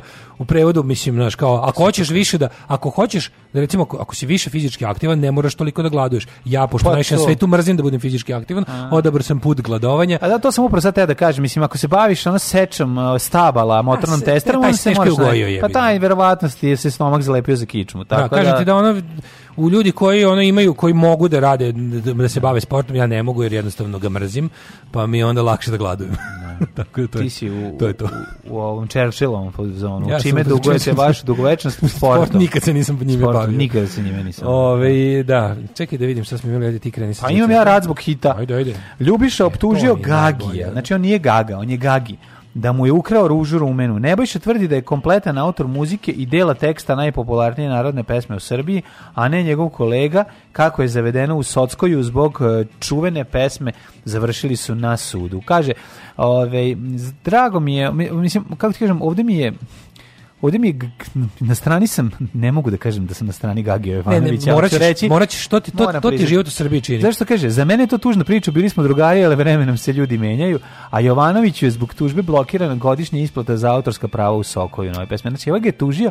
da je on kao učestvovao zajedno. Kako je to, ovo je toliko da, bedno. Ali, ali i, i kurir koji je to, kako je kurir to čačkao? Pa nije nikog to čačko, nego ovaj je uzeo i pokrenuo advokate, zato je cela priča krenula. Mislim, ovaj Nebojša Ljubišić, ovaj lažni ovaj Miodra Krivokapić je ovaj glumac je on polu poznat, mislim u stvari dosta je poznat u Srbiji, nama ne meni ne toliko, ali ovaj Vreba u prethodnih 20 godina sam ga viđao u pa seriji. Da? Ali me, Šta se najpopularna pesma u Srbiji Ruž rumena, ja ne znam. Daj nemoj me jebati šta je Ruža rumena, to čujem sad, izvini. Hajde, Aj, pušti ga, da ubaj u bodi crni, u da bodi crni. ružu rumena, mislim. Ne mogu da, da, osjećam se kao da me ono kao da se kao govno na kiši. Ne samo da me voza obišao, nego ljudi iz ono iz voza me pljuju. Ajde, osjećam se kao dejo, dejo. Da, sigurno je super smešno. Ajde, ubao samo molim tu bodi. samo ružo, ružo rumena. Da, ružo rumena. Ružo rumena, mlado sam ti dala, tvojom sam se žutom tečnošću polivala. polivala. Ajmo, crni dižem regler. Dižem. Mrš u pičku maternu, reći se bilo. Mrš jebeva maternu. Ajde, dobro, čuli smo koja piču. Bukvalno ono.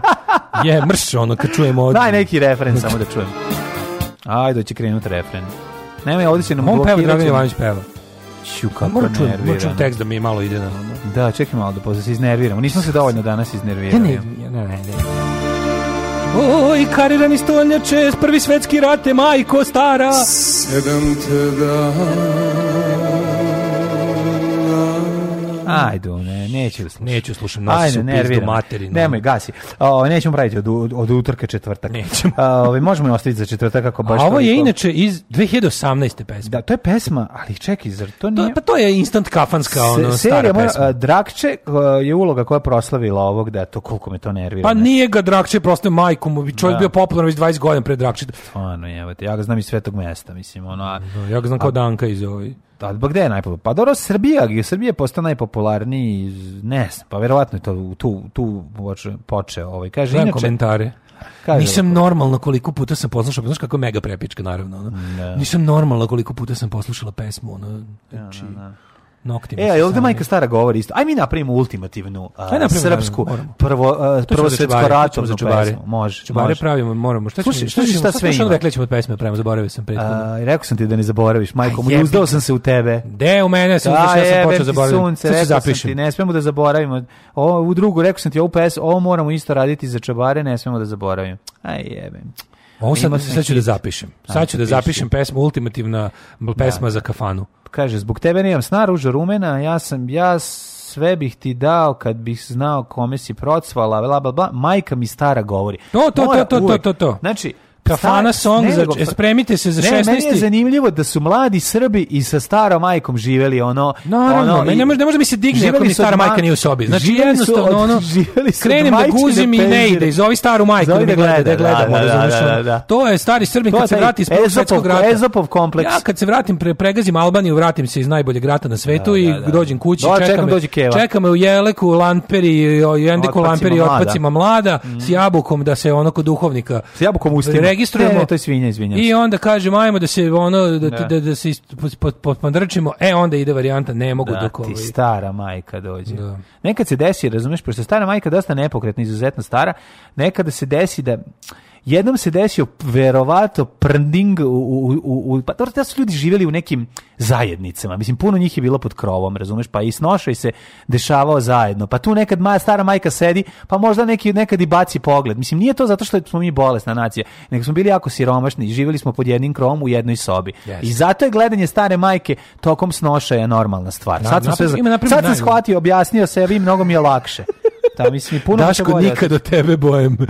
Kaže, ove, ovaj, ne pljujete samo iz voza, pljujete mi sa stanice, jebala te ruža rumena.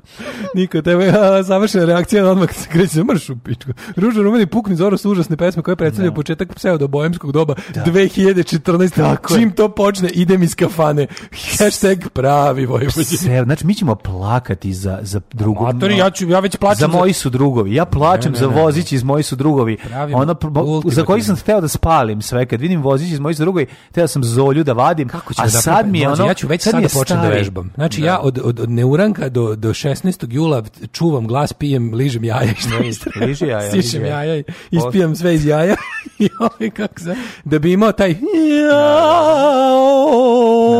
da, da, glas za 16. Ćuju, ne, moraš, moraš da. imati sačuvaj sve, jel, ovaj, ali šta je bilo ono prethodno što smo, koja je ideja bila pre toga? Nemam šanse da se seti, setit ćeš se. Jeb, neću setiti, zato što sam preneo o tebi. A ti si time kao mislio ja da sam si, onda zaboravio. Ti si kao to ispustio iz sebe i kao to je sad moj problem. A svako jutro ispuštam pa to, to je sad moj problem. To tvoj problem. da, da. Pa šta sad da ti kažem ja ovo pa ja bih ga prebacio sam računao sam na tvoju sivu moždanu ćeliju. Ja bih ga ja ne znam šta imaju nisam pogledao moj ovaj A, nakon što sam video ovu genijalnu vest o ovim svim stvarima Kaže ovako, Tanja sa sinovima, ne, u rubrici zabava ovi vratili decu, u rubrici mm -hmm. zabava uh, Olja Balaševića o životu bez Đorđe Balaševića, mhm. Novica, Sahra, jako dobro zabava danas, svi uglavnom mrtvi pevači. Da, da. Danas Blic zabava e, dominiraju, nema ni jedne vesti koja nije ili smrt nekoga ili ove, ovaj, ili neke ono sudske borbe o starateljstvu, tako da je mhm. ovaj, zabava je dosta zabavna. Mm -hmm.